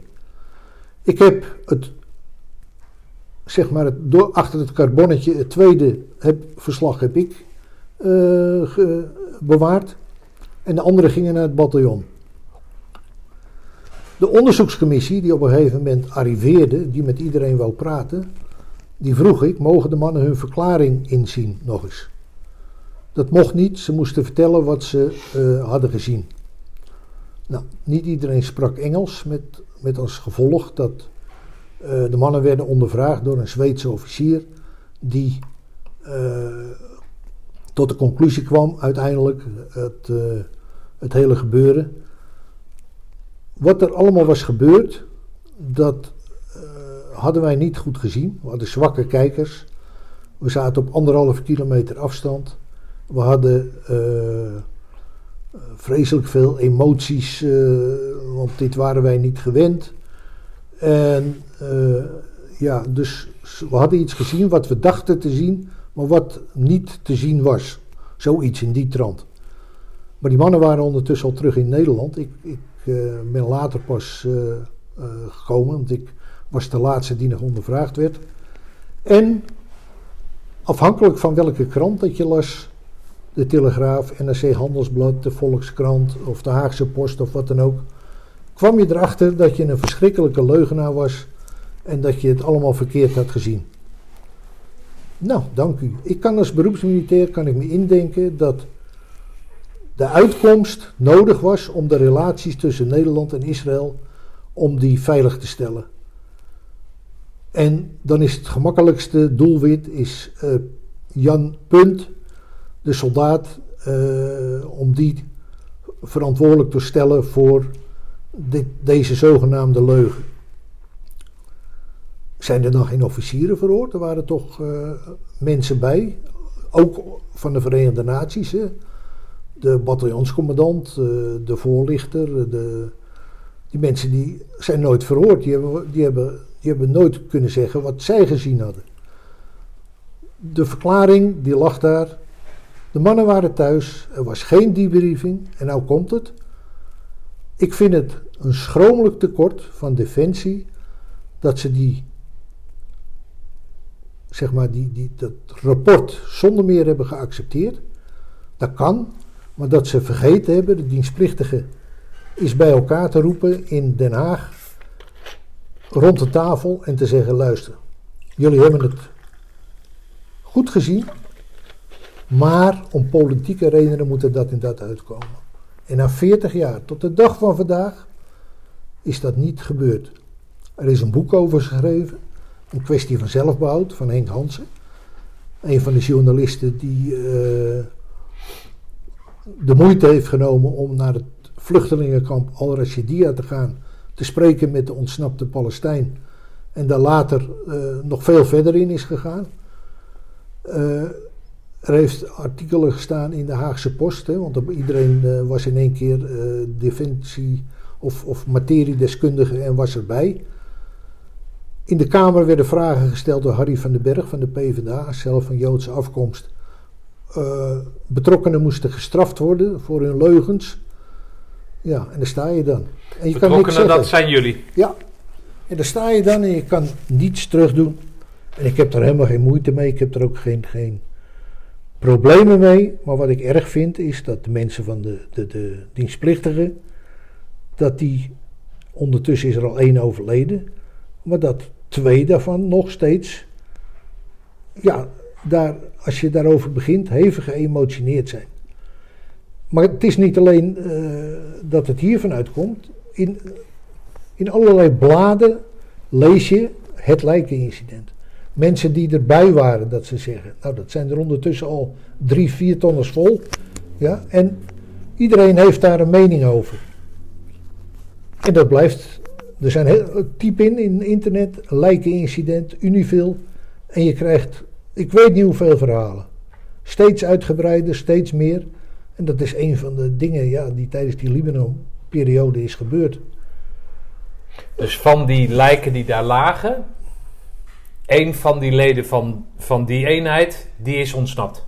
Of is weten te ontsnappen. Die Palestijn die zegt bij dat vuurgevecht bij Hanita, daar ben ik, ben ik ontsnapt. Oké, ze verklaren ook dat ze de Israëli's zware verliezen hebben toegebracht, maar dat kun je met een korreltje zout nemen. En ja, dat soort, is het belangrijk? Het is totaal niet belangrijk wat er is gebeurd. Dat, dat, dat, dat soort dingen gebeuren in dit soort conflicten. En nogmaals, degene die het grootste geweer heeft, die heeft gelijk. De macht komt uit de loop van een geweer. Wie zijn wij, Europeanen, dat we daar een mening over moeten hebben? Wij moeten ons aanpassen aan wat de strijdende partijen in hun goedwil eh, toestaan of niet Ja, toestaan. Maar goed, wat jij nu wel, nou niet vergeet, maar wat je niet verteld hebt, is dat het door de, eh, eh, de, de, de Nederlandse politiek, dan wel de defensietop, in eerste instantie werd bevestigd dat het zo was, omdat ze op zichtsafstand van het, het gebeuren zaten. En dat het naarmate de tijd vorderde steeds meer naar een vergissing werd toegeduwd. Ja, als je dat, dat rapport leest, dan denk je bij jezelf, nou nou, eh, want een kijker 7 keer 50 is een, goede kijker.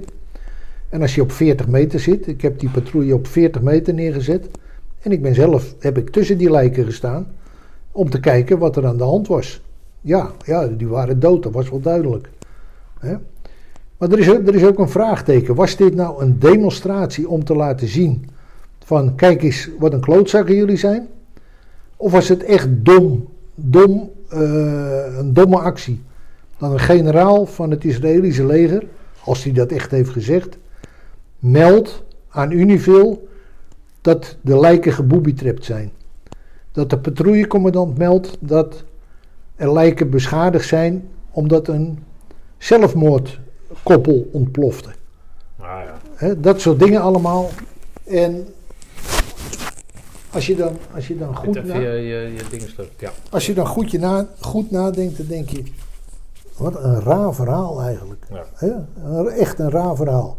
Maar wat doet het dan met jou, zoveel jaren na dato, dat de Nederlands, Nederlanders hun keutel intrekken en het ontkennen en zeggen dat het een vergissing was, wat zij gezien hebben? Dat het helemaal niet zo was, want zo is het toch? Ja, maar eh, eh, politiek is, eh, is aan, een aaneenschakeling van leugens en valse beloften. Nee, oké, maar dan word jij daar En- toch keihard mee geconfronteerd Ja. dat dat ook zo echt zo is. Ik- Ik, lees het alleen maar in de kant of ik zie het op tv dat het zo is. Ik accepteer het dat het je zo is. Oké. Om redenen. Luister, wij zijn ondergeschikt aan de politiek. En als de politiek zegt dat het groen is, dan is het groen. Maar wat nou als eh, het niet ontkend was, maar als het wel was bevestigd, dat die generaal Roos zegt van nou, ik heb het zelf gezien, het, waren, het, was, het was gewoon zoals het gezegd is. Wat was er dan gebeurd volgens jou? Ja, maar het probleem is de generaal Roos, hè, die, die, die, die mij thuis heeft opgebeld en mij zei: eh, Dat was de dag eh, dat ik thuis kwam. Heeft hij me s'avonds opgebeld. Heeft hij gezegd, luister, Filius, ik heb niets gezien. Ik kan je niet helpen. Verder heb ik eh, niets te melden. Nou ja, dat begon bij mij daar al eh, te kriebelen. Want ik dacht, waarom zegt hij dat? Hij heeft toch ook gezien wat ik gezien heb? Hè, dat, dat is jezelf alvast indekken. Ik was geen eh, blauwe beret in die tijd, dus ik, heb er, ik kan niet worden opgeroepen. Ik was er niet bij betrokken. Maar er zijn natuurlijk een hoop aannames geweest eh, op bataljonsniveau. Dan krijgen we Nakura, de, de, de, de generaal eh, Erskine, daar dat eh, hoofdkwartier. Dan wordt het gemeld aan de Verenigde Naties in New York. Kurt Waldheim, welbekende figuur, die daar uitspraken over doet.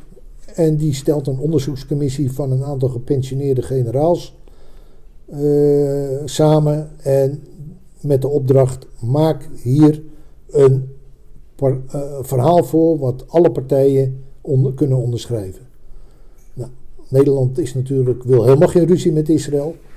En die zegt, eh alstublieft, dat is de conclusie. Nederland is tevreden, de minister is tevreden. En of Jan Punt tevreden is, dat doet niet de zaak. Maar, maar wat jij hun verwijt, zeg maar, en de, de, de overheid, waaronder Defensie valt, dat jij zegt politiek is politiek en daar kom je toch niet onderuit. Wij zijn maar hè, Jan Punt. Maar waar het even over gaat, is dat jij dus zegt. Prima dat het zo gegaan is, maar had even naar die kerels toegegaan die dat hebben meegemaakt. En had gezegd: jongens, ik kan niet anders. Ik ga dit en dit zeggen. Ik was erbij. Jullie hebben gelijk. Maar Het is- omwille van. Dat verwijt je ze. Ja, dat ze niet de moeite hebben genomen om als het dan zo belangrijk was dat de relaties op het spel stonden. En je hoefde de kranten in die tijd maar eh, op na te slaan. Ik heb alle krantenartikelen. eh, vraag is naar het artikel in de Haagse Post van eh, 1981 direct na terugkeer. Zo er- ergens in eh, februari, maart. Vijf weken achter elkaar worden er ik weet niet hoeveel pagina's aan besteed.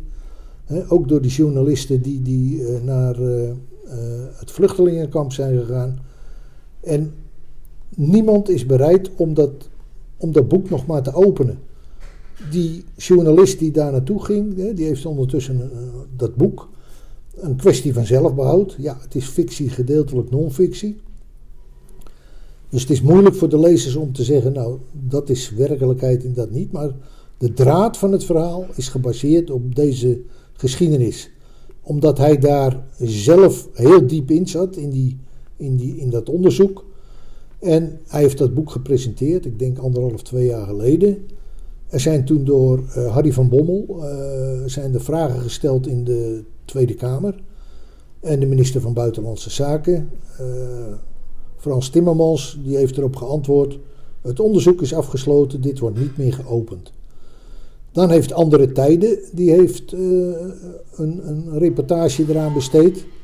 Met, met, eh, die zijn ook op onderzoek uitgegaan en hebben onder andere in Den Haag gevonden aantekeningen bij de vergaderingen dat dit verhaal zo snel mogelijk van tafel moest. Dus ja, dat is wel duidelijk dat daar een, een operatie aan de gang was om dit eh, allemaal te ontzenuwen. Eh, de VPRO, Tegenlicht, heeft een eh, uitzending hieraan besteed. Die wilde mij spreken een keer en, en een interview afnemen voor de televisie. Maar ze wilden niet zeggen waar het over ging. Ja, uiteindelijk bleek het ook over dit verhaal te gaan. Onderzoekers eh, die mij bellen dat ze bezig zijn met een scriptie of wat dan ook. Mensen die boeken schrijven. Eh, of ik even eh, hun een verslag van alles wil toesturen. Wie, denk je wel dat ik ben, man? Want er was wel een website met informatie, maar dat ging eigenlijk over, meer over de compagnie. Ik zeg, nou, daar kun je een hoop dingen vinden als je, als je goed leest. Ja, maar heeft u dat niet, kunt u dat niet even kopiëren en plakken? Ik zeg, als je goed kijkt, zie je dat het met een schrijfmachine is gedaan. Dus ik heb daar eh, een jaar aan gewerkt. Het lijkt mij toch voor u een kleine moeite als u toch een boek schrijft. Dat u niet alles eh, copy-paste, maar dat u het gewoon ook even overtypt dan. plop, horen erop. Maar er zijn, ik, heb ik kreeg ook mails van Palestijnen die eh, meer wilden weten. Dus op een gegeven moment heb ik gezegd, nou is het mooi geweest, eh, website deleten, iedereen het beste met zijn been. Ik wens iedereen alle geluk van de wereld. Maar ja, jongens, dit verhaal is nou zo vaak verteld. Eh, en dat, ja, ik zeg het, dat zie je net in, de, in, in, in, in een aantal bladen, komt het weer naar voren. Eh, iemand die zegt, ja, ik, eh, ik was erbij, ik heb twee Palestijnen in mijn jeep gehad. eh, die bij onze compie gevangen genomen waren. Maar die, die, die man is helemaal niet van onze compie. Dan een ander die, die er ook bij was. En dat is niet de enige. Er zijn boeken geschreven met hele verhalen over wat er in onze compie zich allemaal heeft afgespeeld. Want dit is nog maar, dit is maar zomaar een actie. Wel met hele grote gevolgen. Maar er zijn natuurlijk veel, eh, veel meer dingen gebeurd. Dat, er, dat er echt bij een actie 150 eh, granaten worden afgevuurd. Zowel door, de, door het Libanese leger, Zuid-Libanees. En door de Palestijnen. Op een aantal Palestijnen die, waar wij op dat moment jacht op maakten. En die granaten die landen allemaal tussen ons in. Dat, dat er niemand is gedood, dat is echt, dat is echt een wonder. Hè? Want de granaten vielen voor je, achter je, links en rechts. En 150 stuks. Ja, dat is nogal wat, ja. En dan eh, schoten de, de, de, de Zuid-Libanezen ook nog eens een keer met punt 50 in die bananenplantage, want daar zaten Palestijnen. En dan kwamen ze gelukkig een keer vragen, was, de Israëli's kwamen vragen, waar zitten jullie troepen? Ja, die zitten over het hele gebied. Dat maakte voor hun verder niks uit. Eh, hun dachten, daar zitten Palestijnen, nou dan eh, gaan we even schieten, dat is geen enkel probleem. De, de haat die er was ten opzichte van, van die kan ik niet goed inschatten. Zo rijdt er een eh, burgemeester van een dorp, rijdt op een bermbom. Zijn vrouw dood, hij dood en zijn kind dood. Die auto die eh, blijft daar liggen. Over diezelfde weg reden wij ook continu. Dus we hebben echt geluk gehad, dat 's morgens vroeg was dat, dat het niet een van onze voertuigen was. En er was een trekbom met eh, telefoondraad, dat zwarte WDNTT. Wie heeft dat? He- hebben de Palestijnen dat? Ik geloof het niet. In ieder geval, het Zuid-Libanese leger, wij hadden het weer gedaan. En met name onze commandopost. Eh, dus wij hadden vlak daarbij hadden we zelf een post. Die zegt, eh, de tank is gestart. De tank waggelt nu naar de rand. Eh, iedereen in de bunker bij ons. Dat staat ergens voor als de tank wandelt. Wat, wat zeg jij nou? Hij is, de tank staat normaal in een dekking. Hij komt eruit en hij gaat naar de rand van die post. Oh, zo. Ja, ja, oké. hij wordt Ja. geladen. De loop draait langzaam in de richting van onze commandopost. We hebben een waarnemer op het dak zitten. eh, en die meldt, loopt nu op ons gericht. Baf! Eerste schot. Huis naast de commandopost geraakt. En dat nog vijf keer. Vijf granaten op de huizen naast onze commandopost. Goed geschoten. Want het was de bedoeling dat de burgers eh, onder de indruk raakten en tegen ons zouden tekeer gaan. Dus Unifil was weer de schuldige, had Palestijnen doorgelaten. Maar als ik dan ga kijken naar die bermbom en de, ik zie daar die attributen, ben ik er niet van overtuigd dat de Palestijnen dat hebben gedaan. Dat is weer zo'n zo'n bangmakerij, want een, een uur na dat incident begon dat Zuid-Libanese leger wapens uit te delen aan de burgerbevolking. Want omdat wij ze toch niet beschermden, moesten we ze. Ja, gewoon zieltjes winnen dus. Zieltjes Ja, winnen ja, en, ja. en, en eh, zich laten keren tegen jullie. Tegen Unifil. ja. En dat, dat met als doel dat, dat het Israël, zeg maar, eh, als overheers gewoon de beste keus was. Ja, goed, maar ze accepteerden helemaal niet dat daar, dat daar eh, troepen zich bemoeiden met, met hun inzet. De, de, de, de prikacties die ze deden s'nachts, die waren heel gericht eh, met een helikopter of, of te voet. En ze haalden even iemand op of ze, ze deden een, een, een vernietiging die hun uitkwam. En ze waren weer weg. Hm. Ja, dat gebeurde gewoon in dat gebied.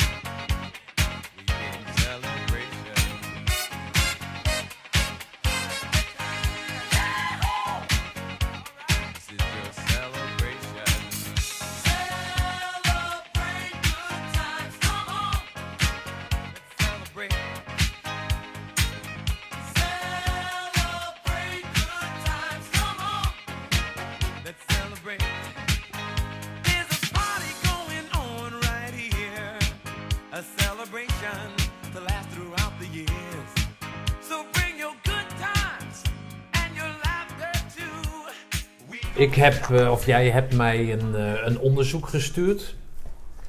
Eh, en in dat onderzoek staat dat, als ik het niet goed vertel, dan moet je me daar even op, op verbeteren.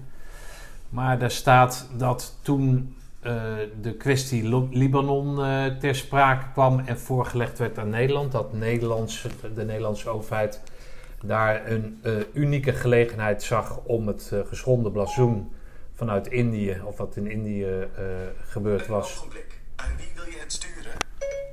nou aan niemand. Maar, eh, sorry, dat doe ik even opnieuw. Eh, en jij hebt mij een, eh, een, een onderzoek gestuurd eh, aangaande de Libanese kwestie. En die Libanese kwestie werd aan Nederland voorgelegd.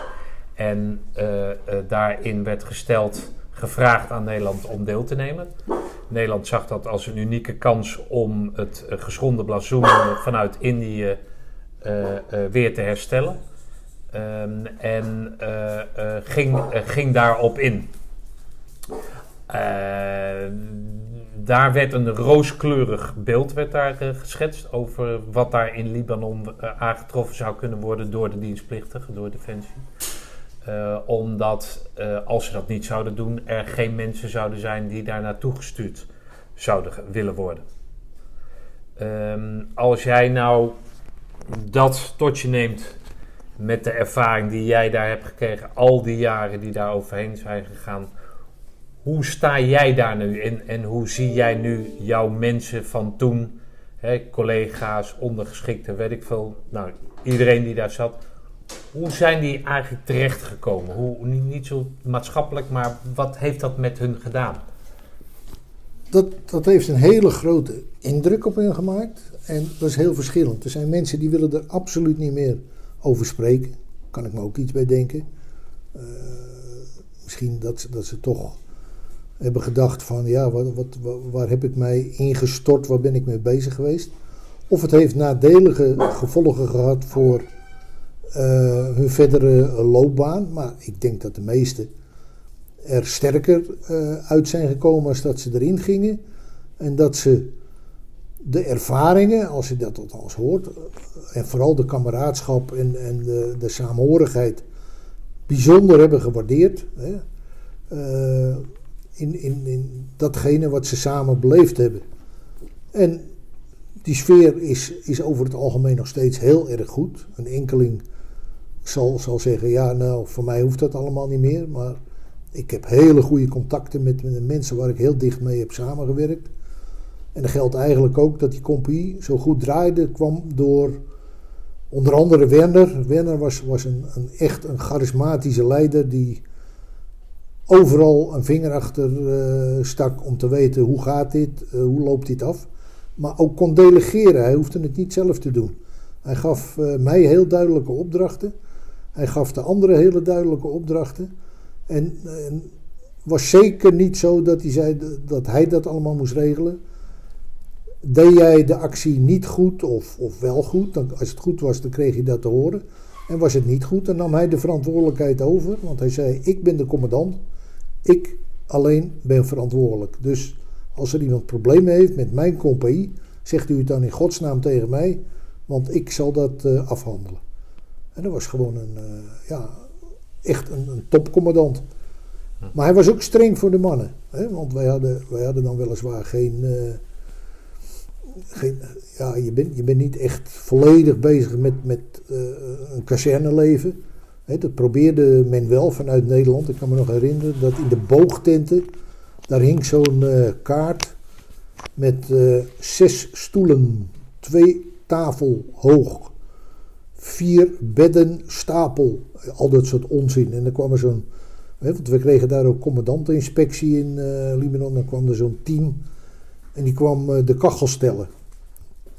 Ja, deze kachel, maar die staat niet op de lijst. Nee, die kopen wij zelf, omdat Defensie geen kachels verstrekt. Ja, van die petroleumkachels. Die, die kon je kopen voor 25 eh, Libanese ponden of, of zoveel dollar. En die zetten ze dan op die kaart. Ik zeg, ik denk het niet. Dat hebben de mannen zelf gekocht. Dat wordt doorgegeven aan de volgende. En dat is absoluut niet van Defensie. Oh. En zo waren er meer van die kleine dingen. Maar Werner, die hield 's morgens appel. Schoenen niet gepoetst.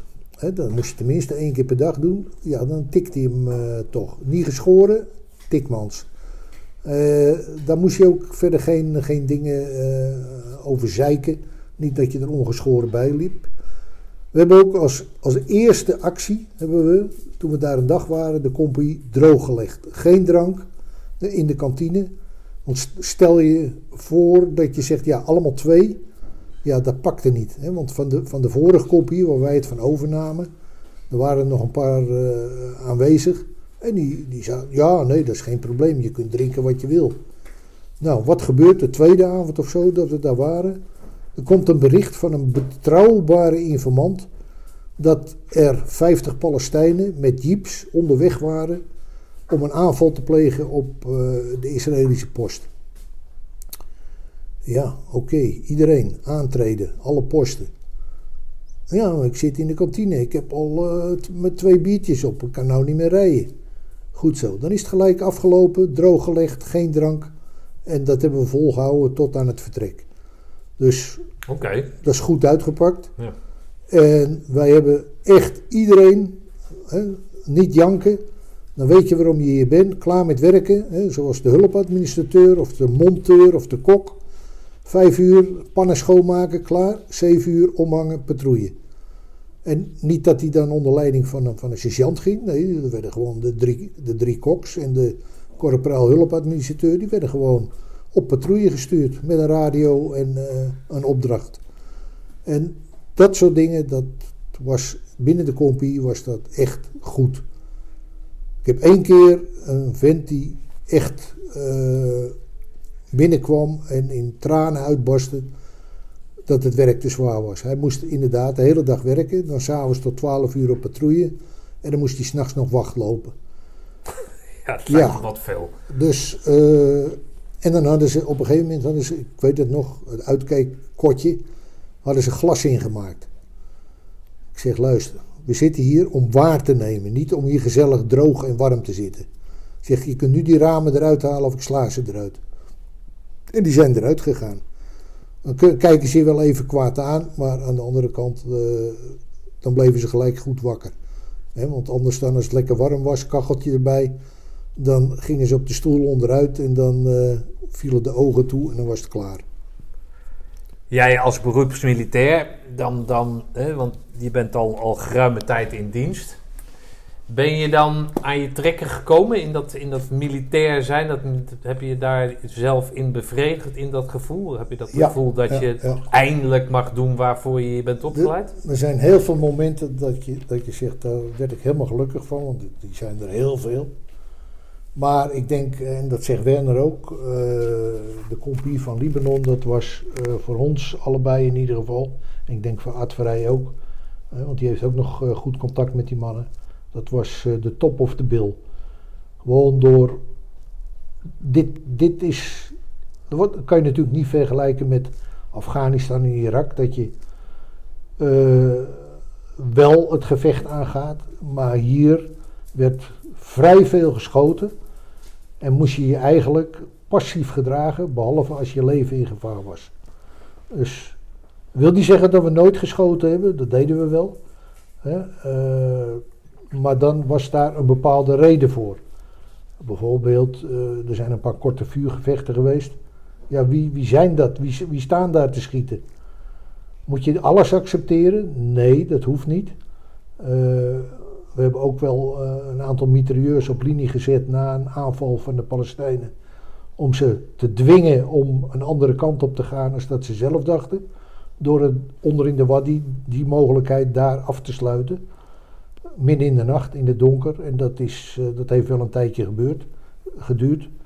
En eh, dat was puur en alleen om die Palestijnen die een aanslag wilden plegen.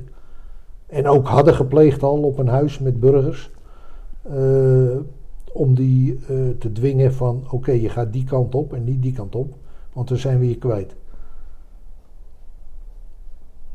Nog andere spannende dingen die je wilt delen die je daar gedaan hebt, waar in je soldatenhart helemaal open is gegaan?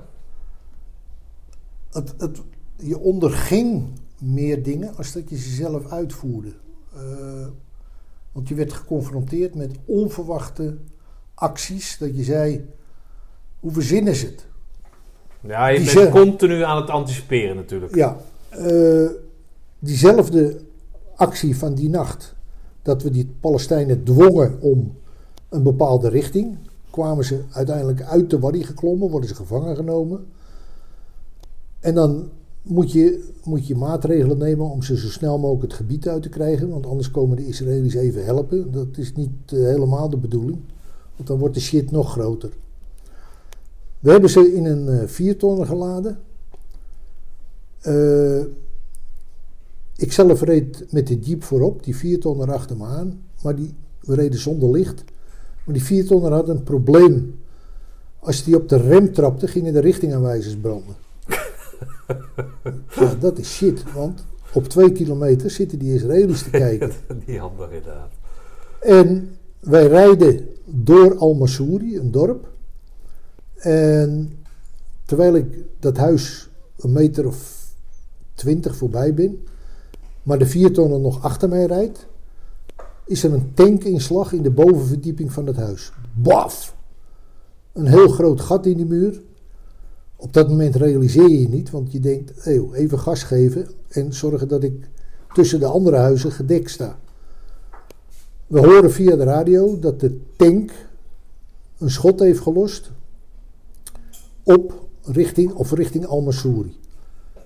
Nou, we rijden door met die Palestijnen, die zagen helemaal bleek. Want eigenlijk vinden ze het, eh, zijn ze wel heel spannend bezig. Maar eh, dit was toch niet de bedoeling, eh, dachten ze. De andere dag ben ik gaan kijken, heb ik een foto van gemaakt. Toevallig had ik van dat huis een foto gemaakt dat de muur nog heel was. En nu met dat gat erin. Ja, dan zeg je, eh, dat en dat is gebeurd. Dat, dat, als ze van een afstand van 2 kilometer met een tank schieten. En ze schieten eh 10, 15 meter naast je. Ja, dan voor hetzelfde geld schieten ze wel raak. Dus dat realiseer je dan. Net als dat, dat, geval op de kustweg die nacht. Dat ik onder vuur word genomen en dat je denkt... Jezus, dat scheelde niet veel. En ik heb één keer gehad dat er een, eh, een mortiergranaat, een 120 mm. Ik heb het staartstuk nog, want gelukkig exploderen ze op de grond. En dan schieten de scherven niet, niet echt horizontaal, maar schuin eh, onder een hoek, diagonaal onder een hoek van 45 graden. En het staartstuk valt in de, in de, in de trechter, in de grond. Hm. Ik hoor dat ding aankomen, ik lig gelijk plat. Die chauffeur die bleef staan. Huh? Ja, nou dat, eh, daarna dook die pas, maar toen was dat ding al op de, op de grond. En dat is zo'n voorbeeld van dat, dat ze maar in het wilde wegschieten. Wij zaten daar, ze wisten dat, en toch schieten ze met alles met wat ze maar hebben. Ja, dan denk je bij jezelf, ja, dat, dat, dat is, dat hoeft eh, maar een, een paar meter verkeerd te zijn. En je hebt, eh, je hebt prijs. Dus dan, dan denk je toch bij jezelf, het is goed afgelopen. We moeten zeggen, onze kopie is er heel goed vanaf gekomen. Eén vent met een schot in zijn hand, maar dat deed hij zelf. Eh, wat doet Mondje? Dat had hij in een James Bond film gezien. Je hebt een pistool. En als je nou de slede naar achteren drukt, dan kan je tegenstander de, de haan, de trekker niet overhalen. Ja, want die slede blokkeert dan eh, het schot. Wat gebeurt? Hij zet zijn pistool tegen zijn hand, duwt hem naar achteren, haalt de trekker over. Ja. En had dus een groot gat in zijn hand. Ja, dat is lullig. Eh, die hebben we dus nooit meer teruggezien. Die werd afgevoerd en die was gelijk klaar. En voor de rest, eh, ja, kleine schermutselingen. Bij andere kompieën zijn wel eh, doden gevallen of in, in een eerder eh, stadium. De fourier die op een eh, mijn reed bij de fourage van het eten. wij zijn er, voor hetzelfde geld rijdt, onze fourier over die weg waar die, waar die bermbom lag. Al dat soort dingen, dan, denk je, ja, we hebben geluk gehad. En iedereen heeft het na kunnen vertellen. En het is allemaal goed gelopen. En dat geeft toch een eh, goed gevoel. Om met de hele compie eigenlijk op één man na weer terug te komen.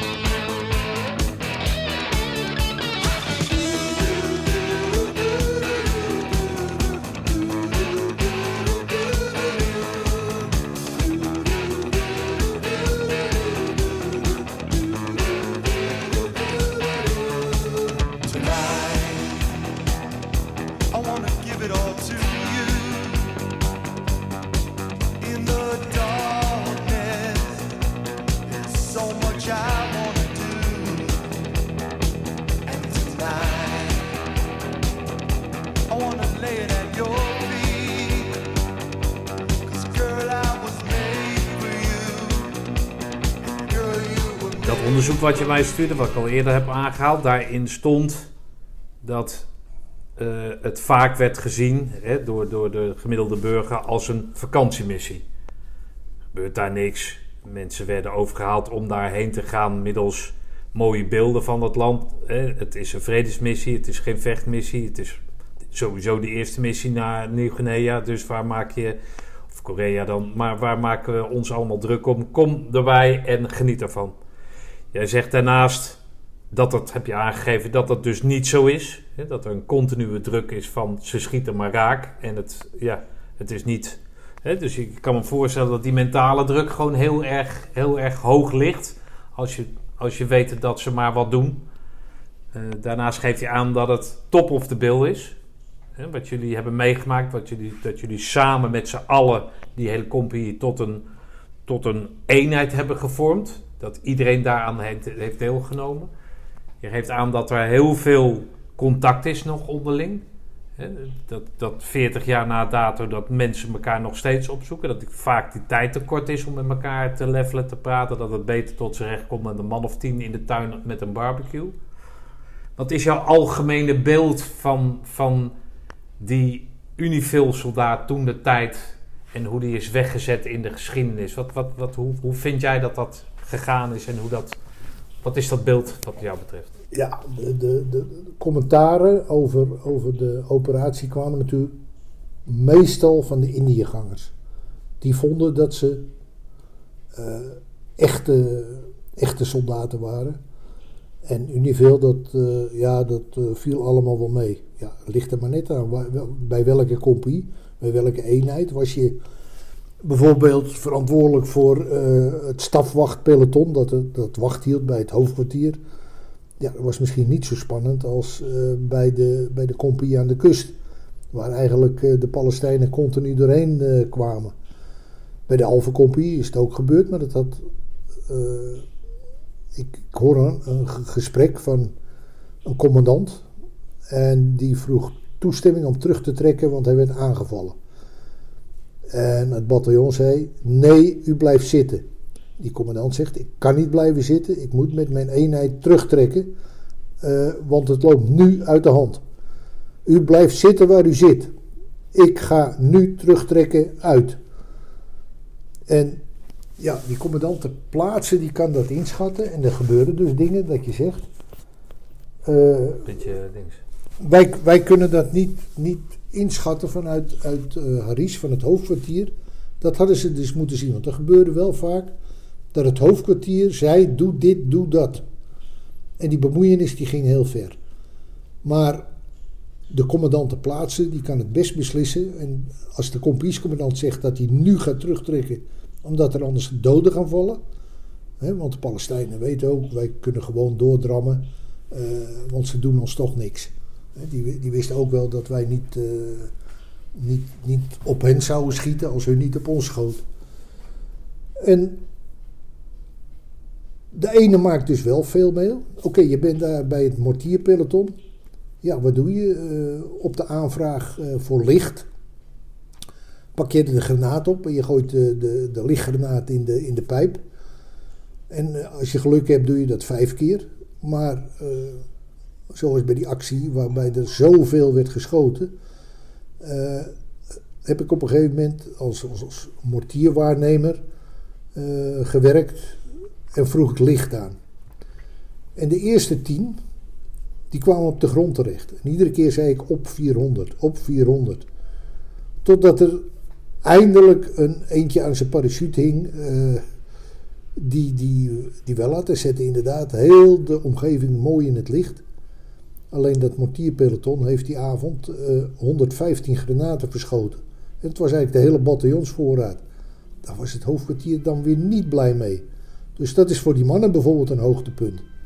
Hè? Maar Ja. eh, zit jij alleen maar eh, op een kantoor en, en mag jij niet de post verlaten, ja, dan heb je een, een, een wat suffe tijd gehad. Oké, je bent Ja, maar dat is geweest. binnen, binnen elke uitzending natuurlijk.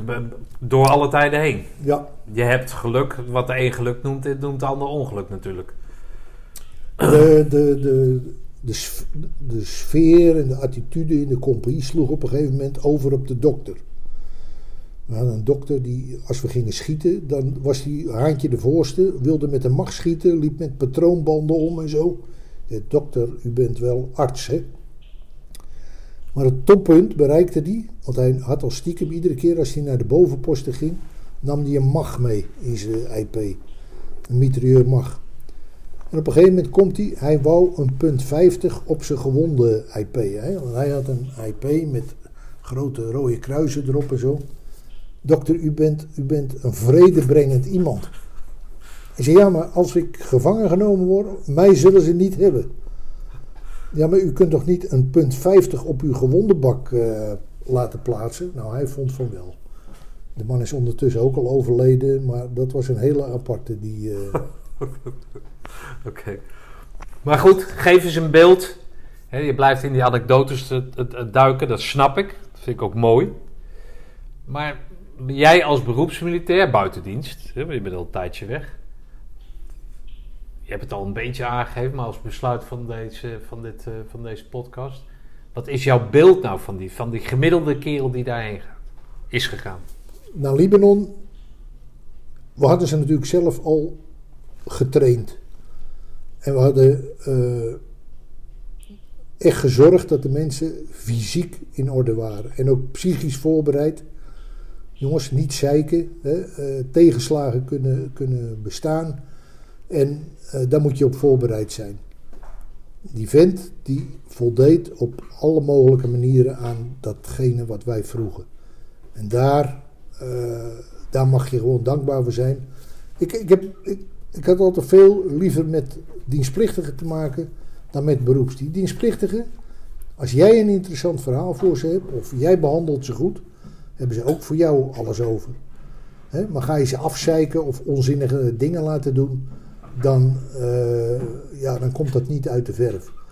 Je moet ze waarderen, je moet ze vertrouwen geven en je moet ze af en toe eens prijzen voor datgene wat ze doen. En ik denk dat we dat gedaan hebben en dat we met de eenheid die we in Libanon hebben gehad, echt punten hebben gescoord, ook bij het bataljon, omdat wij in zijn totaliteit 44 Palestijnen gevangen hebben genomen, ontwapend en afgevoerd, dat we acht Israëli's hebben tegengehouden, misschien wel meer, maar dat zag je niet in het donker nadat er geschoten was. Dat we te maken hebben gehad met een aantal eh, Palestijnse doden eh, waar wij op een normale, eh, volwassen manier mee zijn omgegaan, maar dat dat niet helemaal geapprecieerd werd, want de waarheid is vaak hard. En dat als ze tegen mij zouden zeggen, eh, u gaat morgen weer naar Libanon, onder dezelfde omstandigheden, dat we gewoon weer vertrekken. PTSS als laatste. eh, is natuurlijk eh, door de vele uitzendingen krijgt meer aandacht. Krijgt ook meer begeleiding. Men is bewust van het feit dat je PTSS kan oplopen. Men is er uiteraard nog niet achter hoe dat nou precies komt. En niet dat daar bepaalde richtlijnen voor zijn. Als je dat en dat meemaakt, dan krijg je PTSS. Dat is het onvoorspelbare van die, van die ziekte natuurlijk. Wat, wat heeft PTSS, eh, als je dat in, met Libanon in eh, verband brengt? Wat, wat, hoe, hoe zie jij dat? Ja, dat is heel moeilijk eh, in te schatten, omdat ik daar zelf absoluut geen, geen last van heb. Maar er zijn wel veel mensen in, in onze eenheid die later, niet direct, maar later, PTSS hebben gekregen. En op de vraag aan hun, maar vertel eens, wat, wat, wat is er dan? Heb ik echt antwoorden gehad waarvan ik dacht, wacht even. Eh, nu zakt echt mijn broek af. Een van de antwoorden was: Waarom heb jij PTSS? Wat is er dan gebeurd? Ja, de kompiescommandant was zo streng. Is dat dan een reden om PTSS te krijgen? Nou, schijnbaar wel. Maar er zijn ook mensen die dingen zien die nooit gebeurd zijn. Dat kan ik beamen en daar zijn veel getuigen van. Andere mensen, als, ik het heb over die chauffeur die in die schuur is gezet, geblinddoekt en mogelijk geëxecuteerd zou worden. Die met die patrouille loopt en van mij de opdracht krijgt om recht tegen die mitrailleur van die Israëli's door te lopen. Als die zou aangeven dat hij PTSS heeft, dat heeft een hele grote indruk op, hem- op hem gemaakt. En hij is er ook emotioneel bij betrokken, maar hij is nou niet dat, dat, hij, dat hij PTSS heeft. Maar hij is wel emotioneel eh, erbij betrokken. Ik denk, ja, dat kan gebeuren. En als je wel eens met elkaar praat, dan, zegt men, eh, hoe kan het nou dat, dat dat er is? Ja, ik denk niet dat het op is aan ons, wij zijn geen psychiaters of wat dan ook, om te oordelen of iemand PTSS heeft of niet. Degene die aangeeft dat hij dat heeft, die heeft er last van, want anders wordt hij ook niet erkend. Hè? Een van de leden van die patrouille onder andere loopt nog steeds bij de stichting 4045. Gaat nu voor de zesde keer terug naar Libanon. Die, die, die is dus iets kwijt wat hij, wat hij nog niet gevonden heeft. En dat zijn toch dingen, ja, daar kun je over nadenken en een mening over hebben. Maar ik zou het liefst daar eh, geen oordeel over vellen, want dat kan ik niet. Aan de andere kant denk ik, mensen die naar Indië zijn geweest, was dat toen ook al? Ja, het zal wel geweest zijn, maar was dat ook in die mate zo sterk aanwezig? Eh, ik denk dat die mannen heel veel hebben meegemaakt. Eh, die, die dus vier jaar naar Indië werden gestuurd, mijn oom onder andere. Ik heb hem nooit gehoord over. Ja, hij had een tevredenheidsbetuiging gehad omdat hij bij een aanval op een fabriek s s'nachts de, de, de aanvallers had afgeslagen, dat hij, dat hij heeft gehandeld. En dan denk ik, ja, wat, wat hadden die mannen dat niet of bestond het niet? Of in de Tweede Wereldoorlog, daar hoor je eigenlijk ook weinig van. Ja, nou ja, dat wordt natuurlijk genuanceerd, of ik zie dat ook genuanceerder. In de zin van dat er natuurlijk niet veel bekend was daarover. Hetzelfde als, nou ja, ik ben natuurlijk helemaal geen psycholoog en ik ben al helemaal geen medicus. Maar ja, vroeger was je overspannen, nu heb je een burn-out. Dus Ja. dat, dat, dat, dat zijn tijdsdingen die in een tijdsgewicht plaatsvinden. En, en dat daar een naam aan wordt gegeven en dat daar verdieping in zit op medische gronden of wat op psychische gronden. Dat, dat daar meer, eh, meer over bekend is. Ik denk dat het iets van alle tijden is. Het, het enige, nou ja, wat ik al zei, het enige ongrijpbare lijkt mij is dat het dus niet af te. Af te weet je, je kan er geen klassificaties aan, aan, aan verbinden. Je, je hebt het en het is niet zo van, oh, heb je dat? Nou, dan is, dan is Het dat is goed dat, dat iemand die hulp nodig heeft, dat die die hulp die kan krijgt. krijgen. Ja, En daar is onder andere het Veteraneninstituut mee bezig. En dat is een goede zaak. ja. En het lijkt mij, ja, en misschien dat we daar dan mee moeten besluiten. Eh, juist fijn voor de mensen die het niet hebben. Dat ze constateren dat ze die dingen niet zo tot zich hebben genomen of zo hebben verwerkt of het juist beter hebben verwerkt. Nou ja, het is, het is een ongrijpbaar iets natuurlijk. Eh, nou, wees blij dat jij het niet hebt. Nee, ik, heb daar, ik vind het een fantastische tijd geweest met fantastische mensen. En eh, ik denk dat, eh, dat ik zolang ik leef, dat ik daar goede herinneringen aan heb. En na mij eh, mogen de mensen eh, bladeren in mijn boeken. En als ze er nog nooit van gehoord hebben, dan kunnen ze zeggen, mijn kinderen of mijn kleinkinderen. Oh, zat dat zo in elkaar? Maar iedereen zal dat verhaal anders vertellen, omdat er geen eenheidsworst was en iedereen andere dingen deed eh, dan de ander. Dat je dus nooit kan generaliseren en zeggen: ja, maar ik, of eh, heb jij dat dan niet ge- meegemaakt?